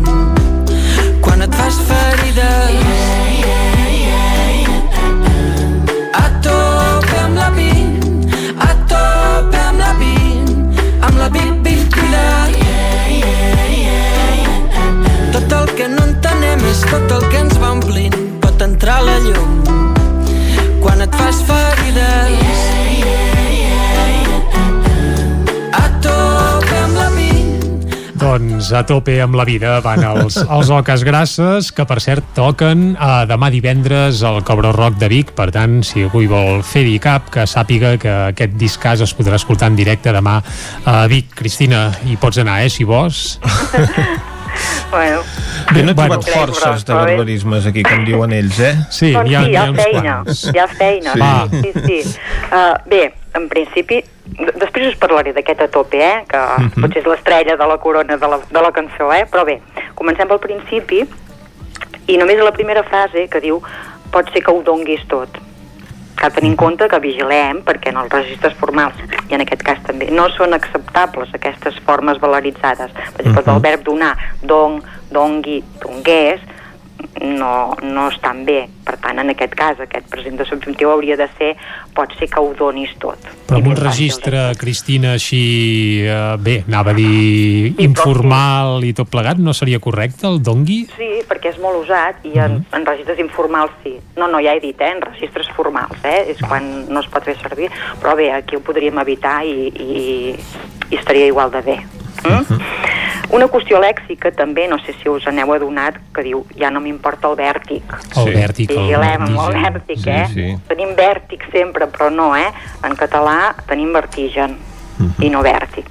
Per tant, també eh, tenir-la en compte. I una, I una altra cosa que mm, en aquesta cançó surt constantment, perquè és com una tornada, que quan diu tot el que entenem és el que ens va omplint, el que he viscut és el que dura, el que ens fa mal, i és que és molt repetit, surt a cada estrofa. Vigilem també perquè aquest article el, i el pronom interrogatiu que substantivitzat no és adequada, per tant hauria de ser eh, el que entenem, el que ens va omplint, eh? és molt fet, es fa servir molt en l'expressió oral i hauríem de, de vigilar de no, de no fer-ho. I, eh, I arribem a la tope, no? A tope amb la vida. Evidentment en català no és admissible, hi ha equivalents, n'hi ha molts. Al màxim, al 100%, a totes, al límit, a tot gas, a tota màquina, a tot vent, a tota pastilla. I aquí te'n podríem fer-ne servir algun com a totes, per exemple, que Mhm. també ens quedaria força bé, no? Bé, aquest a tope, per tant, no el trobarem a cap diccionari normatiu Grinyola, sí, sí. i l'hauríem d'evitar. Però és que és tan habitual eh, que el sentim a tot arreu, eh? Té, té més força, eh, aquest a tope. Sí, sí, sí, però bé, és una paraula que tampoc no l'hauríem d'admetre. En Jordi els perdona, vaja. Sí. En Jordi sempre perdonen no, de tot. no, sempre no, eh? De vegades hi ha Gairebé coses que, que, uf, que grinyolen un pèl, eh? Però, ostres, això de la tope és que... Sí, bé, els el, que tenim tenen... molt, el tenim molt inter Clar, anava a dir la Maria López en amunt, és a dir, la gent que té més de 40 anys potser sí que, que no gaire, però de 40 en avall és que és molt i molt habitual, eh? Doncs bé, haurem de veure ja amb què en fem, no? A la llarga. Però bé, no, jo bé ho havia de dir, no, Oh, tant, que, no, que no era bo. I per últim hi ha un pleonasme aquí de complement indirecte que és molt freqüent també. No li calen flors al vent, no calen flors al vent. Aquest li no caldria que el poséssim aquest pronom feble. Bé, aquesta seria aquesta repassada en aquesta cançó d'Oques Grasses. Va, doncs com que demà els anirem a veure, els hi explicarem tot això que ens has comentat, Cristina, i els hi traslladarem totes aquestes, uh, bé, petites errades i paranys lingüístics, aviam si de cara als bolos de l'estiu doncs passen per correcció i canvien alguna Molt cosa. bé. Sí? Molt Va, bé, molt de part teva, eh, els hi direm. Exacte, va, vinga. Va. Els hi direm la. Cristina, que és la nostra llumanera en català, Exacte. ens ha dit que... Bye, bye. Correcte, bye, bye. Cristina, moltes gràcies. T'esperem d'aquí uns quants dies i Vicenç, ara, fins a arribar al tall de publicitat, escoltem una mica uh, d'aquest de bones, no? Aquesta Oques peça d'Oques Grasses on ens conviden a anar a tope amb la vida. Això sí, a tope... D'aquella manera. D'aquella manera. Va, però nosaltres els escoltem aquí a Territori 17. Tornem de seguida. tornaria fer-ho igual tornaria a ser qui sóc. Yeah, yeah, yeah, yeah. tot el que no entenem és tot el que ens va omplint. Pot entrar a la llum quan et fas ferides yeah, yeah, a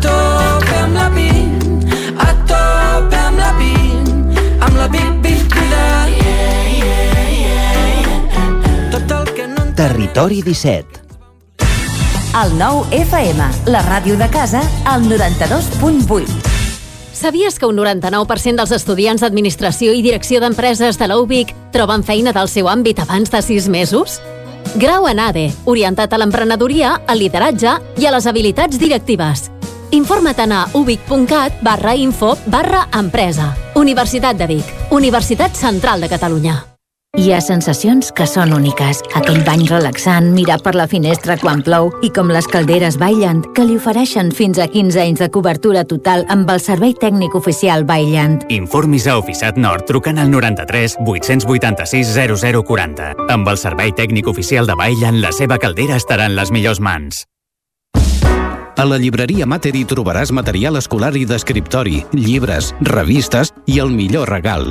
T'esperem amb una gran varietat de novel·les, llibres d'assaig, poesia, contes i moltes novetats editorials. I per anar ben equipat a l'escola tenim motxilles, estoig, carpetes, llibretes, bolígrafs i molt més. Recorda que amb la targeta client tens descomptes. Mater, llibreters amb vocació des de 1957. Llibreria Mater. Ens trobaràs al carrer Pla de Balanyà número 23 de Vic i a mater.cat.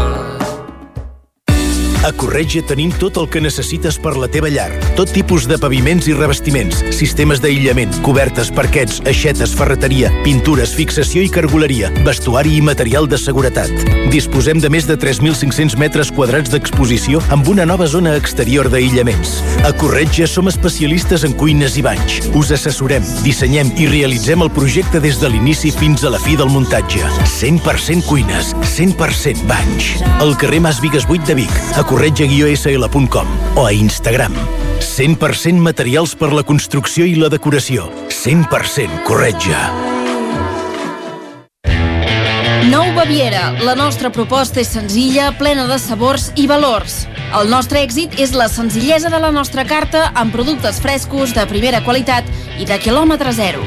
Som especialistes en frankfurts, hamburgueses 100% de carn de vedella, entrepans i una de les millors patates braves de tot Vic. Amanides, plats combinats, tot al teu gust. Nou Baviera. Ho fem per tu, com si fos per nosaltres. Som al carrer Verdaguer número 36 de Vic. El Roures Parc de Ceba. Obrim a partir del 26 de juny. Pista de vòlei, pista 3x3, bar, zona pícnic i una gran caseta de boles. Dues piscines amb grans espais verds per adults i una piscina dedicada a infants amb màxima garantia d'higiene i seguretat. El Roures Parc de Ceba. Obrim cada dia, matí i tarda, amb reducció de preu per l'accés matinal. T'esperem al Roures Parc de Ceba. El 9 FM, el 9 FM, el 9 FM, el 9 FM, el 9 FM.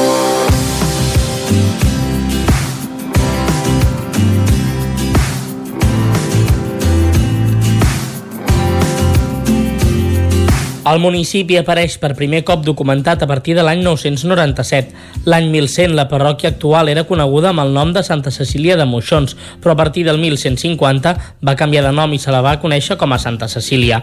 A partir del 1379, l'església i el poble van pertànyer a la baronia de Vic i es regien per les seves normes. Al segle XVII el terme ja constava de 26 masies i a partir d'aquí el poble cada cop va anar sent més ric i poblat.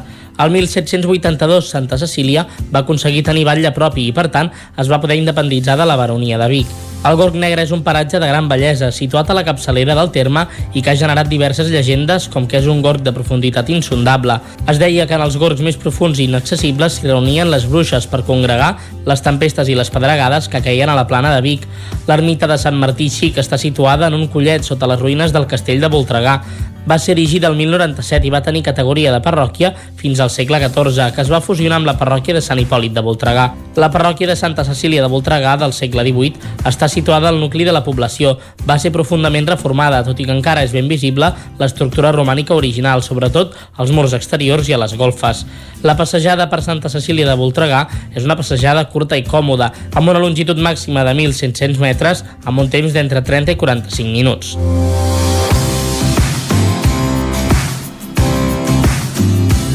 Territori 17 Doncs Vicenç, a Santa Cecília de Voltregà hem anat avui al Descobrint Catalunya, eh? Que és el poble on ahir més va ploure, 28 litres, igual que Sant Boi. Déu-n'hi-do. Sí, senyor. Ben, ben rebuts, que diria en Pep Acosta. Va, anem ara cap a la R3. Anem. A Trenc d'Alba, edició pandèmia. Ara sense els usuaris que ens explicaven les seves desgràcies a la R3, però amb els mateixos retards i problemes de sempre. Benvinguts a Tren d'Alba. Doncs interrompo el fil que vàrem començar ahir perquè aquesta setmana Renfe ha iniciat les obres de millora de l'estació de Vic a l'empresa Vilor. Aquestes actuacions compten amb un pressupost d'adjudicació de 316.440 euros sense IVA. L'obra civil disposa d'un termini d'execució de 7 mesos. Les principals actuacions consistiran, bàsicament, en la recuperació integral de l'edifici històric de l'estació de Vic i amb reparacions puntuals a la coberta. Aquesta actuació en complementa altres que estan emmarcades en el Pla de Rodalies de Catalunya 2020-2030, un pla que preveu programes per millorar la fiabilitat del servei, la informació i l'atenció al client i també per augmentar la capacitat i les prestacions de la xarxa ferroviària, incrementar el confort i l'accessibilitat de trens i estacions. A més, en el marc de la primera fase del Pla d'Estacions per a la Rodalia de Barcelona, Renfe està invertint prop de 100 milions d'euros en actuacions centrades principalment en la millora de l'accessibilitat, així com altres tasques de modernització de 39 estacions de la Rodalia de Barcelona. Des de la plataforma perquè no ens fotin el tren, van celebrar l'inici d'aquestes obres, que segons deien feien molta falta en aquesta estació, tot i que van lamentar que començaven 9 mesos després d'haver-se adjudicat. Una mica de retard, sens dubte. També esperen que avanci l'aparcament segur de bicicletes per part de l'Ajuntament de Vic i els aparcaments d'intercanvi P+R. En fi, demà us explicarem més coses del tren i de la R3. Territori 17. El racó de pensar, a Territori 17.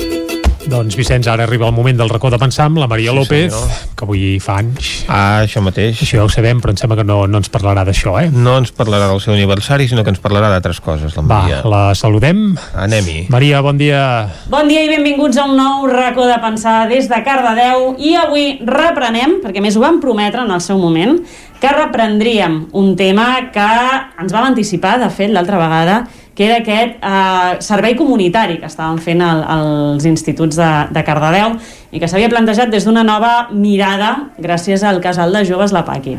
En el seu moment ja van fer aquesta petita intro de, de què aniria el tema, però el van deixar amb molts punts suspensius.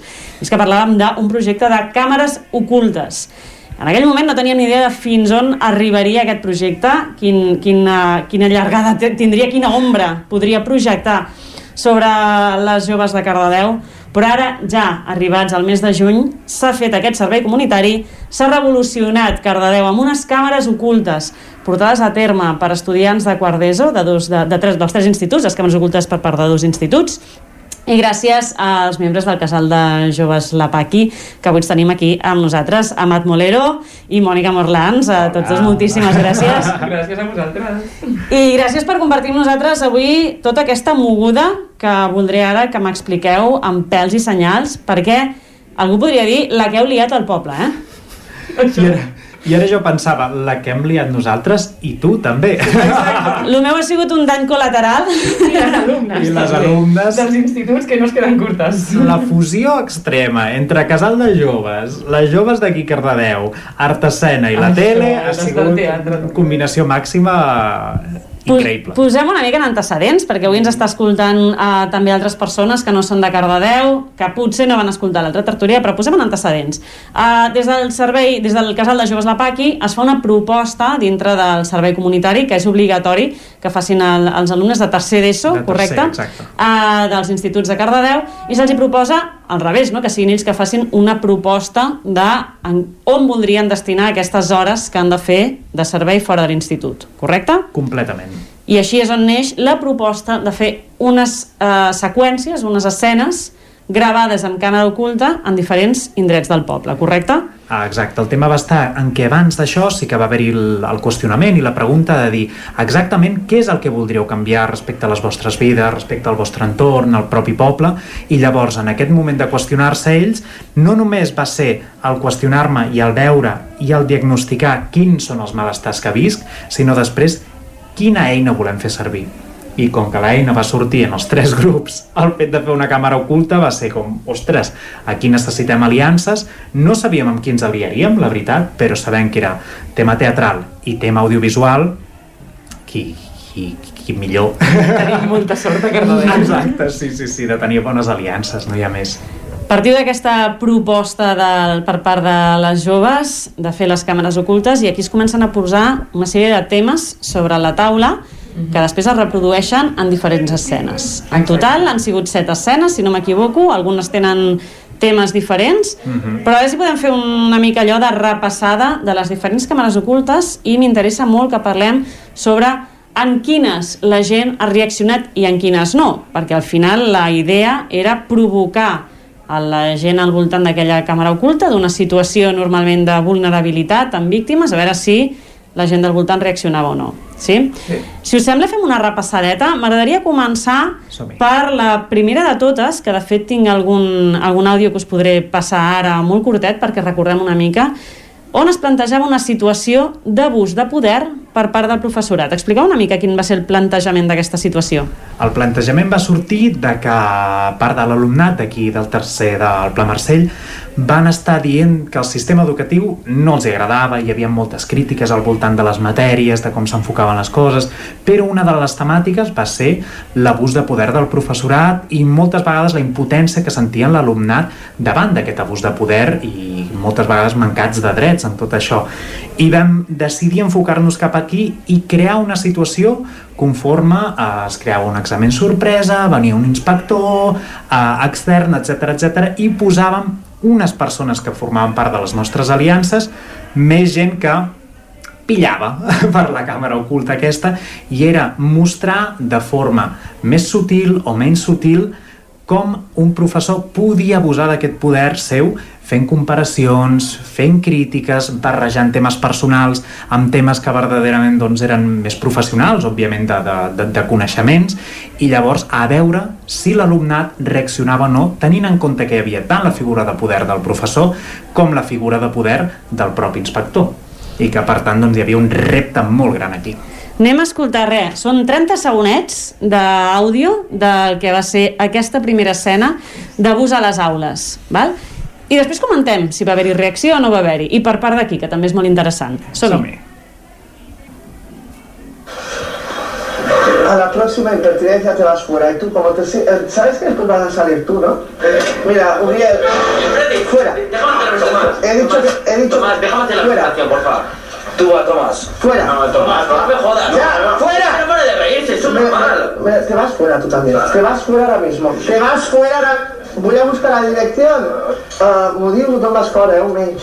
Bueno, que diría que, porque yo diría que si reían es porque empiezan Bueno, perquè són algo imbècils, no?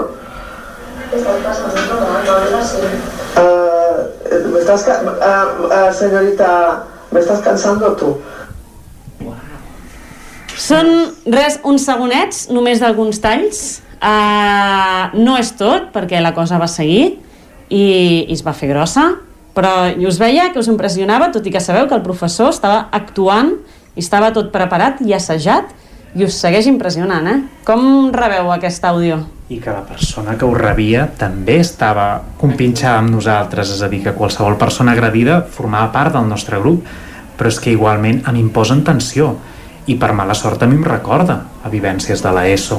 Hi ha alguna que després amb les entrevistes, però tant creant la càmera oculta, diuen sí, sí, és que això passa, és que això és real.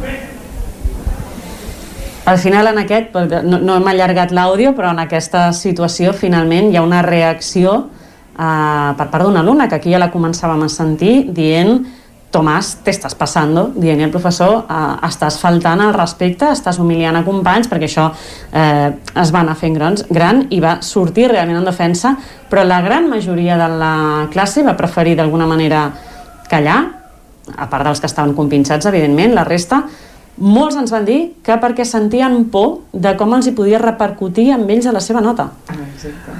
Jo crec que podríem parlar perfectíssimament de, de professorat, però podríem parlar de jutges, podríem parlar de policies, podríem parlar de polítics, podríem parlar de jefes, podríem parlar de qui sigui, però que existeixen figures de poder que tenen en tu algo que et poden coaccionar i que, per tant, existeix por real a tu perdre com algo. La teva feina, el teu sou, la teva vida, la teva llibertat i jo crec que aquí és el que passa dintre de l'institut i el sistema educatiu és que no existeixen mètodes concrets o formes, eh, una estructura que pugui mantenir els drets de les persones i que tothom se senti lliure davant d'una injustícia d'alçar-se i parar-la.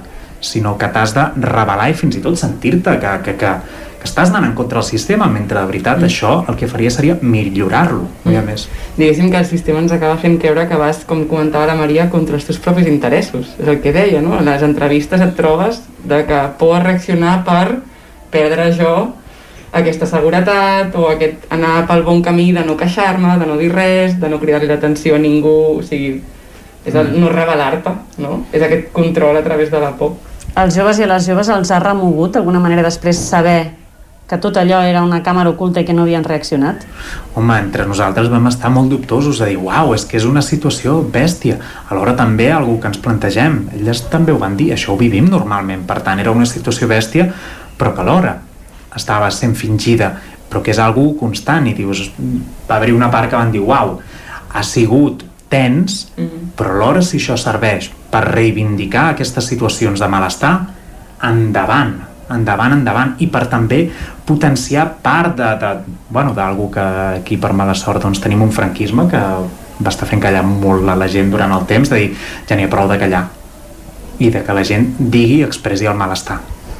Una altra de les escenes que d'aquestes set escenes, que m'agradaria m'expliqués una miqueta més la, la Mònica, també va ser una mica, potser ha sigut de les més difícils, perquè en aquest cas eh, generava un enfrontament on eh, la gent se li feia difícil, en aquest cas situem, se, li feia difícil reaccionar eh, per una situació potser més violenta.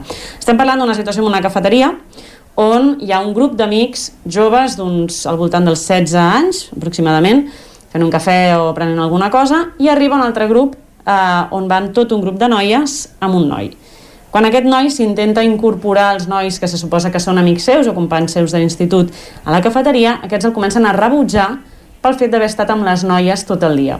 Mm -hmm. El comencen a insultar, dient-li que si és un maricón, dient-li que, bé, del, que, que d'alguna manera rebutjant-lo pel fet de que com fins ara havien estat amb les noies, l'identifiquen amb una orientació sexual que fa que el rebutgin a més d'una manera molt violenta, dient-li fins i tot que no pot seure a la cadira ni, ni res d'això. Explica'ns una miqueta com vau preparar aquesta escena i per què els alumnes van voler tractar aquest tema. Eh, per desgràcia, vam acabar tractant aquest tema per eh, omissió, no? perquè no hi havia... O sigui, el, el grup del servei comunitari d'aquí del Pla Marcell volia tractar temes d'estigmes, discriminacions al voltant del gènere. Volien tractar violència de gènere i l'assetjament sexual al carrer. Era la idea predominant. Aquesta idea predominant era producte de la conversa entre les noies, parlant de les seves experiències, perquè el servei comunitari es basa en experiències de les persones del propi grup. Què passava? Que els nois del grup no trobaven experiències d'assetjament, de discriminació per motiu de gènere per compartir. En el moment de compartir no sortien aquestes experiències. I per la seva omissió de no en trobem, vam acabar agafant, per desgràcia, escenes reals que es troben aquí a l'institut. I és aquesta discriminació als nois que mostren una masculinitat no normativa. És a dir, un noi que li agradi la música, que li agradi amb les noies i tenir unes converses sobre X temes, és menys noi que un noi que li agrada el futbol eh, i altres no, sèrie de normes de com ser un noi en aquesta heteronorma d'avui en dia. Llavors, va ser una miqueta eh, producte de la realitat amb la que es troben aquí a l'institut, de voler-ho mostrar al carrer exagerant-ho, afegint-hi a l'agravant no, de violència i d'expressions agressives i masclistes i homòfobes per, per generar una situació real però amb l'exponent de l'atenció intentant que reaccionés algú i, i bé, per sort ha sigut una experiència molt completa perquè va reaccionar algú i, i crec que això ha pogut tancar una miqueta aquest cicle arriscat, no? que el reconeixem des de la nostra posició de professionals també és, una, és un risc d'intentar portar una situació real al límit perquè és un risc per, per als nois, les noies, bueno, per, per, per les pròpies alumnes com per la pròpia societat a la que exposem a reaccionar i per sort ha sortit tot bastant rodó. Explica'ns això una mica, parlaves que va haver-hi reacció, mm -hmm. però no sé si d'alguna manera va costar més, pensàveu que aquesta no sortiria, penseu que la reacció era més difícil que d'altres, perquè parlàvem d'aquesta situació de d'agressivitat per part dels nois que potser feia que la gent del voltant que estava prenent alguna cosa no s'atrevís massa a reaccionar. Explica'ns una mica aquest desenllaç, per si dir-ho. Exacte. Eh, sí, definitivament era la situació, una de les situacions més complexes com per esperar resposta social per al component aquest de violència. Eren nois que estaven tirant cadires pel terra i estaven insultant amb insults homòfobs a, a, sense parar durant 5 minuts. Llavors, aquesta actitud et convida de tot menys a intentar intervenir. O sigui, si intervens has de tenir una voluntat molt forta de parar la violència. Llavors li estem demanant a algú no? una actitud de tanta força com per parar la violència de cinc nois contra un altre noi. I, i aquesta, aquesta valentia per al volum de violència i d'agressivitat que tenia l'escena eh, ens va sorprendre a totes. O sigui, és una cosa que no, no, no, no esperàvem que funcionés tan bé i que tinguéssim un, bueno, un heroi eh, una persona conscienciada, sensibilitzada i empoderada en el moment i amb les eines com per poder fer alguna cosa. No? Va coincidir que era el, el cambrer de, del bar on es feia aquesta escena el que va poder utilitzar el seu poder. Jo estic aquí treballant i aquesta gent l'està liant, vaig veure per què estan fent això i va decidir utilitzar la seva, el seu marge d'acció en aquell moment per intervenir. Això no ho va aconseguir, o sigui, no ho va fer ningú de les persones que estaven al costat eh, mirant l'escena. I això ens indica no? que les persones que estaven aguantant l'escena no, no tenien la força per, per intervenir o no volien o, o no sabem ben per què, no? però sí que van tenir després, per exemple, l'acció la, que també ens hem trobat amb altres càmeres ocultes de protegir la víctima. No? Hi han com dues reaccions que ens hem trobat, dos tipus de reaccions. La que va a protegir la víctima i donar-li una mica de, de recolzament, no? acompanyar-la en aquesta mala experiència, i la que va a denunciar l'agressió. Són dues actituds diferents. Llavors, doncs, bueno, dona tela d'anàlisi de veure això, en una situació de nois, qui reacciona, com s'acull a les víctimes en una situació amb noies, o sigui, el, el, el gènere, si ho parlem de manera binària, eh, ha marcat, jo crec, una gran diferència en això. D'alguna manera, eh, es repeteix una miqueta el patró d'abans, en el sentit de abans un no s'atrevia no s'atrevia a intervenir perquè em jugo la meva nota, d'alguna manera, aquí em jugo la integritat, no? Física, perquè segurament si no s'haguessin sentit inferiors a un grup de nois violents i joves i aparentment amb força, igual sí que s'haurien atrevit, no? I d'alguna manera eh, trobo una injustícia, sóc capaç de reaccionar per donar suport a algú que està patint, però no sóc capaç d'enfrontar-me a, a, a l'abús, no? Mm. Total i això també ens fa qüestionar moltíssim quin és el sistema judicial en el que vivim que hauria de generar-nos una seguretat en què si nosaltres denunciem alguna poder sentir integritat física o bueno, que, no, que no ens generarà malestar. I clar, jo crec que entren tots sempre dins d'una cadena en què ens estan dient ostres, és que si tu t'alces davant d'una injustícia potser fins i tot qui és la justícia no et cuidarà i llavors mm -hmm. jo crec que és un peix que es mossega la cua molt bèstia, molt, molt, molt bèstia mm -hmm. Una altra de les escenes que, que vam viure i que m'agradaria també que escoltéssiu un petit fragment va ser una escena de bullying, que per desgràcia també deu ser un exemple eh, que es deu donar segurament de manera habitual a les aules. En aquest cas es va portar fora, es va portar al carrer a veure si, si la gent reaccionava i també d'alguna manera plantejo la situació de partida, una noia estudiant a la taula o sola, amb més gent al voltant, tenint alguna cosa en una terrassa del carrer, i arriben un grup de tres noies que comencen també a ficar-se amb ella de manera abusiva fins que generen que la mateixa noia marxi. Anem a escoltar una miqueta què va passar amb aquesta càmera oculta i també saber si aquí la gent s'atrevia, si teníem gent valenta o no. Hola. Hola. Què fas? No, estava estudiant. Ah, bueno, pues bien, vinc a estudiar ja. Hola, Berta. Hola. Hola. Què No tal? estava estudiant. Estava estudiant? Què estudies? A Re, veure, re. No, para, para. Deixa'm la. Para, sisplau. Para, para. No, torna-m'ho, sisplau. Ai, que et callis, nena. Para, para, para. No, torna-m'ho. Mira, ara. Para, para. Hòsties. Para, torna-m'ho, torna-m'ho, sisplau. Para. Sí, bueno, guarda. ¿Has fet l'examen de mates? Sí, sí, para. No, para, para, para, para. Para, sisplau. Anda, pa que no. Pareu, pareu. Deixeu-me marxar. Vinga, Hòstia. Te vagis, nena. Va, a fora. Va, tira. Va, tira. ¿Por qué le tiras las cosas? Pero eso no se hace, tío. Que ahora calladitas, ¿no? Como la mosca. Busca que se siente en nuestra casa. Ya, pero a ver, tampoco agradaría que cocina. ¿Qué es eso de echar una persona de las mesas y hacer aquí como si tú fueras aquí dueña del cartelero o qué? ¿Que no te enseñan en casa la educación o qué?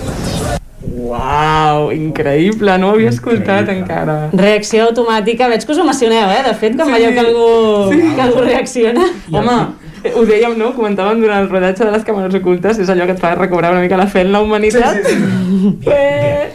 En aquest cas, una senyora d'una taula del costat uh, va acabar reaccionant al cap d'una estona, però també tornem una mica al que dèiem abans, no? Sembla que la reacció quan qui abusa o qui està d'alguna manera uh, fent el, aquest, aquest abús de poder. És una noia, sembla que ens atrevim més, no? Exacte, aquí aviam, ens podem eh, atrevir a fer de sociòlogues amb una mostra de set càmeres ocultes, eh, segur que se'ns tiraran a sobre, però sí que és cert que es veu una certa tendència a, en l'espai públic, a una dona, o una noia, projecte de dona o del que vulgui ser, se li se li es permeten més comentaris morals, ètics, sobre el seu comportament, inclús sobre el seu aspecte, inclús sobre la seva sexualitat, inclús sobre la seva identitat, no? O sigui, diguéssim que, que, que en l'espai públic en general crec que es pot interpel·lar més a la dona i qüestionar més la seva conducta a la dona i que per tant si ho traslladem en qualsevol situació eh, quan és la dona la que està en paraules cristianes obrando mal no?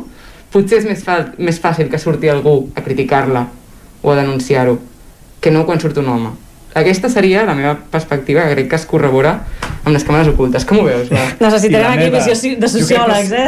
I fins i tot crec que hi ha una part que estem parlant personalment, des de la, com una certa abstracció no? de vivències sí. pròpies, perquè jo ara estava pensant, òbviament, vivència pròpia connectada amb una part social de que existeix dintre de la dinàmica de la masculinitat hegemònica, la violència, l'agressivitat i tot això forma part de ah, la forma, sí. una acceptació social existeix això, ja. i no només aquesta acceptació social, sinó que crec que hi ha molts límits d'aquesta masculinitat, com pot ser el demanar ajuda, mostrar la vulnerabilitat, mostrar que fins i tot hi han jocs agressius entre els homes típics, i em vaig a posar aquí, típics de clubs de futbol, típics de moltíssims espais supermasculinitzats, que costa molt denunciar el malestar, perquè denunciar el malestar ja et transporta directament a un càstig de gènere amb maricón, amb nenaza, amb xivat, bueno, que t'has xivat, i llavors doncs, existeix en si tot de mètodes que facin que la violència entre els homes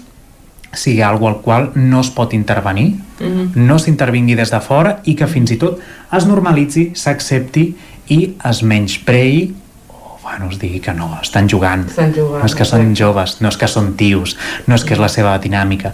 I llavors crec que entre una cosa i una altra... Es, com, es combinen no? per, per perpetuar aquestes normes de, de gènere, de com s'intervé en base al gènere de les persones. Totalment d'acord, sí. No ens queda massa, massa temps, però sí que eh, m'agradaria comentar només alguna d'altra de les càmeres ocultes, perquè de les set sí que és cert que en la gran majoria hi ha hagut reacció, la qual cosa, com deia abans la Mònica, una mica recuperes la fe en la humanitat, però també és cert que en algunes no hi va haver, i això va deixar bastant tocats eh, als nois, a les noies que, que van haver d'actuar. En concret m'agradaria recordar eh, una bueno, podríem parlar de les dues perquè les dues tenen tela, eh? però amb una d'elles eren dues noies que d'alguna manera es situaven en una situació com d'un botellón, com si anessin, diguéssim, una mica begudes en un parc, i on eh, uns nois comencen com a passar-se una mica amb elles, diguem, no? Primer a base de comentaris i entenc que cada vegada amb més aproximació i una de les coses que, amb les que van tornar com molt tocades i afectades les noies és que allà a prop hi havia tot un grup de joves veient l'escena i que no només no van reaccionar per defensar-les, sinó que fins i tot reien de la situació en algun moment. I això les va deixar bastant tocades, oi? Home, jo crec que amb, amb això, el fet de que tot i que els altres fossin joves, elles són molt més joves que els que estaven allà i crec que es podia arribar a donar la, la, la situació de ningunear o menys tenir o percebre-ho com, bueno, això és que són xavalillos, ja... llavors on jo és com a mínim el que vaig interpretar des de fora, però verdaderament tot i que ho fingíssim, quan tu estàs en una situació de vulnerabilitat i la gent fins i tot se n'enriu, jo crec que el que et genera és el contrari que la Mònica deia, és a dir, no generes cap tipus de confiança en el món, sinó que perceps que fins i tot davant d'un malestar la gent pugui arribar a enriure-se'n i donar-se al doncs sí, fins i tot et trec el mòbil i me n'enric i ho penjo a internet, saps? O sigui, una banalització de, de la violència i el malestar que, que va en contra nostra perquè avui sóc jo i demà pot ser tu i demà l'altre i en situacions completament diferents Valoració final d'aquestes càmeres ocultes, fins a quin punt aquestes joves han acabat remogudes de tot això? Però hem de preguntar amb elles com ho ha acabat vosaltres. Total. Sí, hem de fer encara valoració. Quan tinguem, jo crec, el, el, el producte final, ho direm així, poder-ho veure i poder prendre la decisió cap on enfoquem tot això perquè, perquè són les seves cares, són les seves vivències i tot i que hi hagués un acord anterior saber ben bé cap on ho volem projectar perquè, perquè són elles qui posen la cara i que per tant doncs aquí hi ha un tema de consentiment claríssim més enllà dels drets d'imatge Doncs, Amat, Mònica, moltíssimes gràcies per, per aquesta tertúlia d'avui, per haver-nos explicat una mica més d'aquest projecte tan interessant, que segur que ha remogut uh, més d'un cap, més d'un cor, per dir-ho d'alguna manera. I és quasi un experiment soci sociològic interessantíssim, que crec que ara encara donarà, donarà per moltes tertúlies i per, i per molts anàlisis durant els propers mesos, així que moltíssimes gràcies per, per posar-vos al capdavant d'aquesta moguda. Gràcies. Uh, Jordi Vicenç, us torno al relleu cap a Vic. Moltíssimes gràcies una setmana més per seguir-nos al racó de pensar que ja arriba la recta final abans de les vacances d'estiu, però encara encara ens queden un parell de tertúlies ben bones. Així que moltíssimes gràcies a tots, ens reveiem i ens reescoltem dijous vinent al racó de pensar. Molt bé, que vagi bé, Maria, i per molts anys, eh? Per molts anys, eh, Vicenç? Efectivament, per molts anys a la Maria és hora de posar a punt i final al territori 17 d'aquest dijous. Però nosaltres tornarem demà divendres, i com sí, sempre, hi serem des de les 9 del matí i fins a les 12 del migdia. Doncs fins demà, adeu. Que vagi bé. Territori 17, un magazín del nou FM. La veu de Sant Joan, Ona Codinenca i Ràdio Cardedeu amb el suport de la xarxa. El nou FM.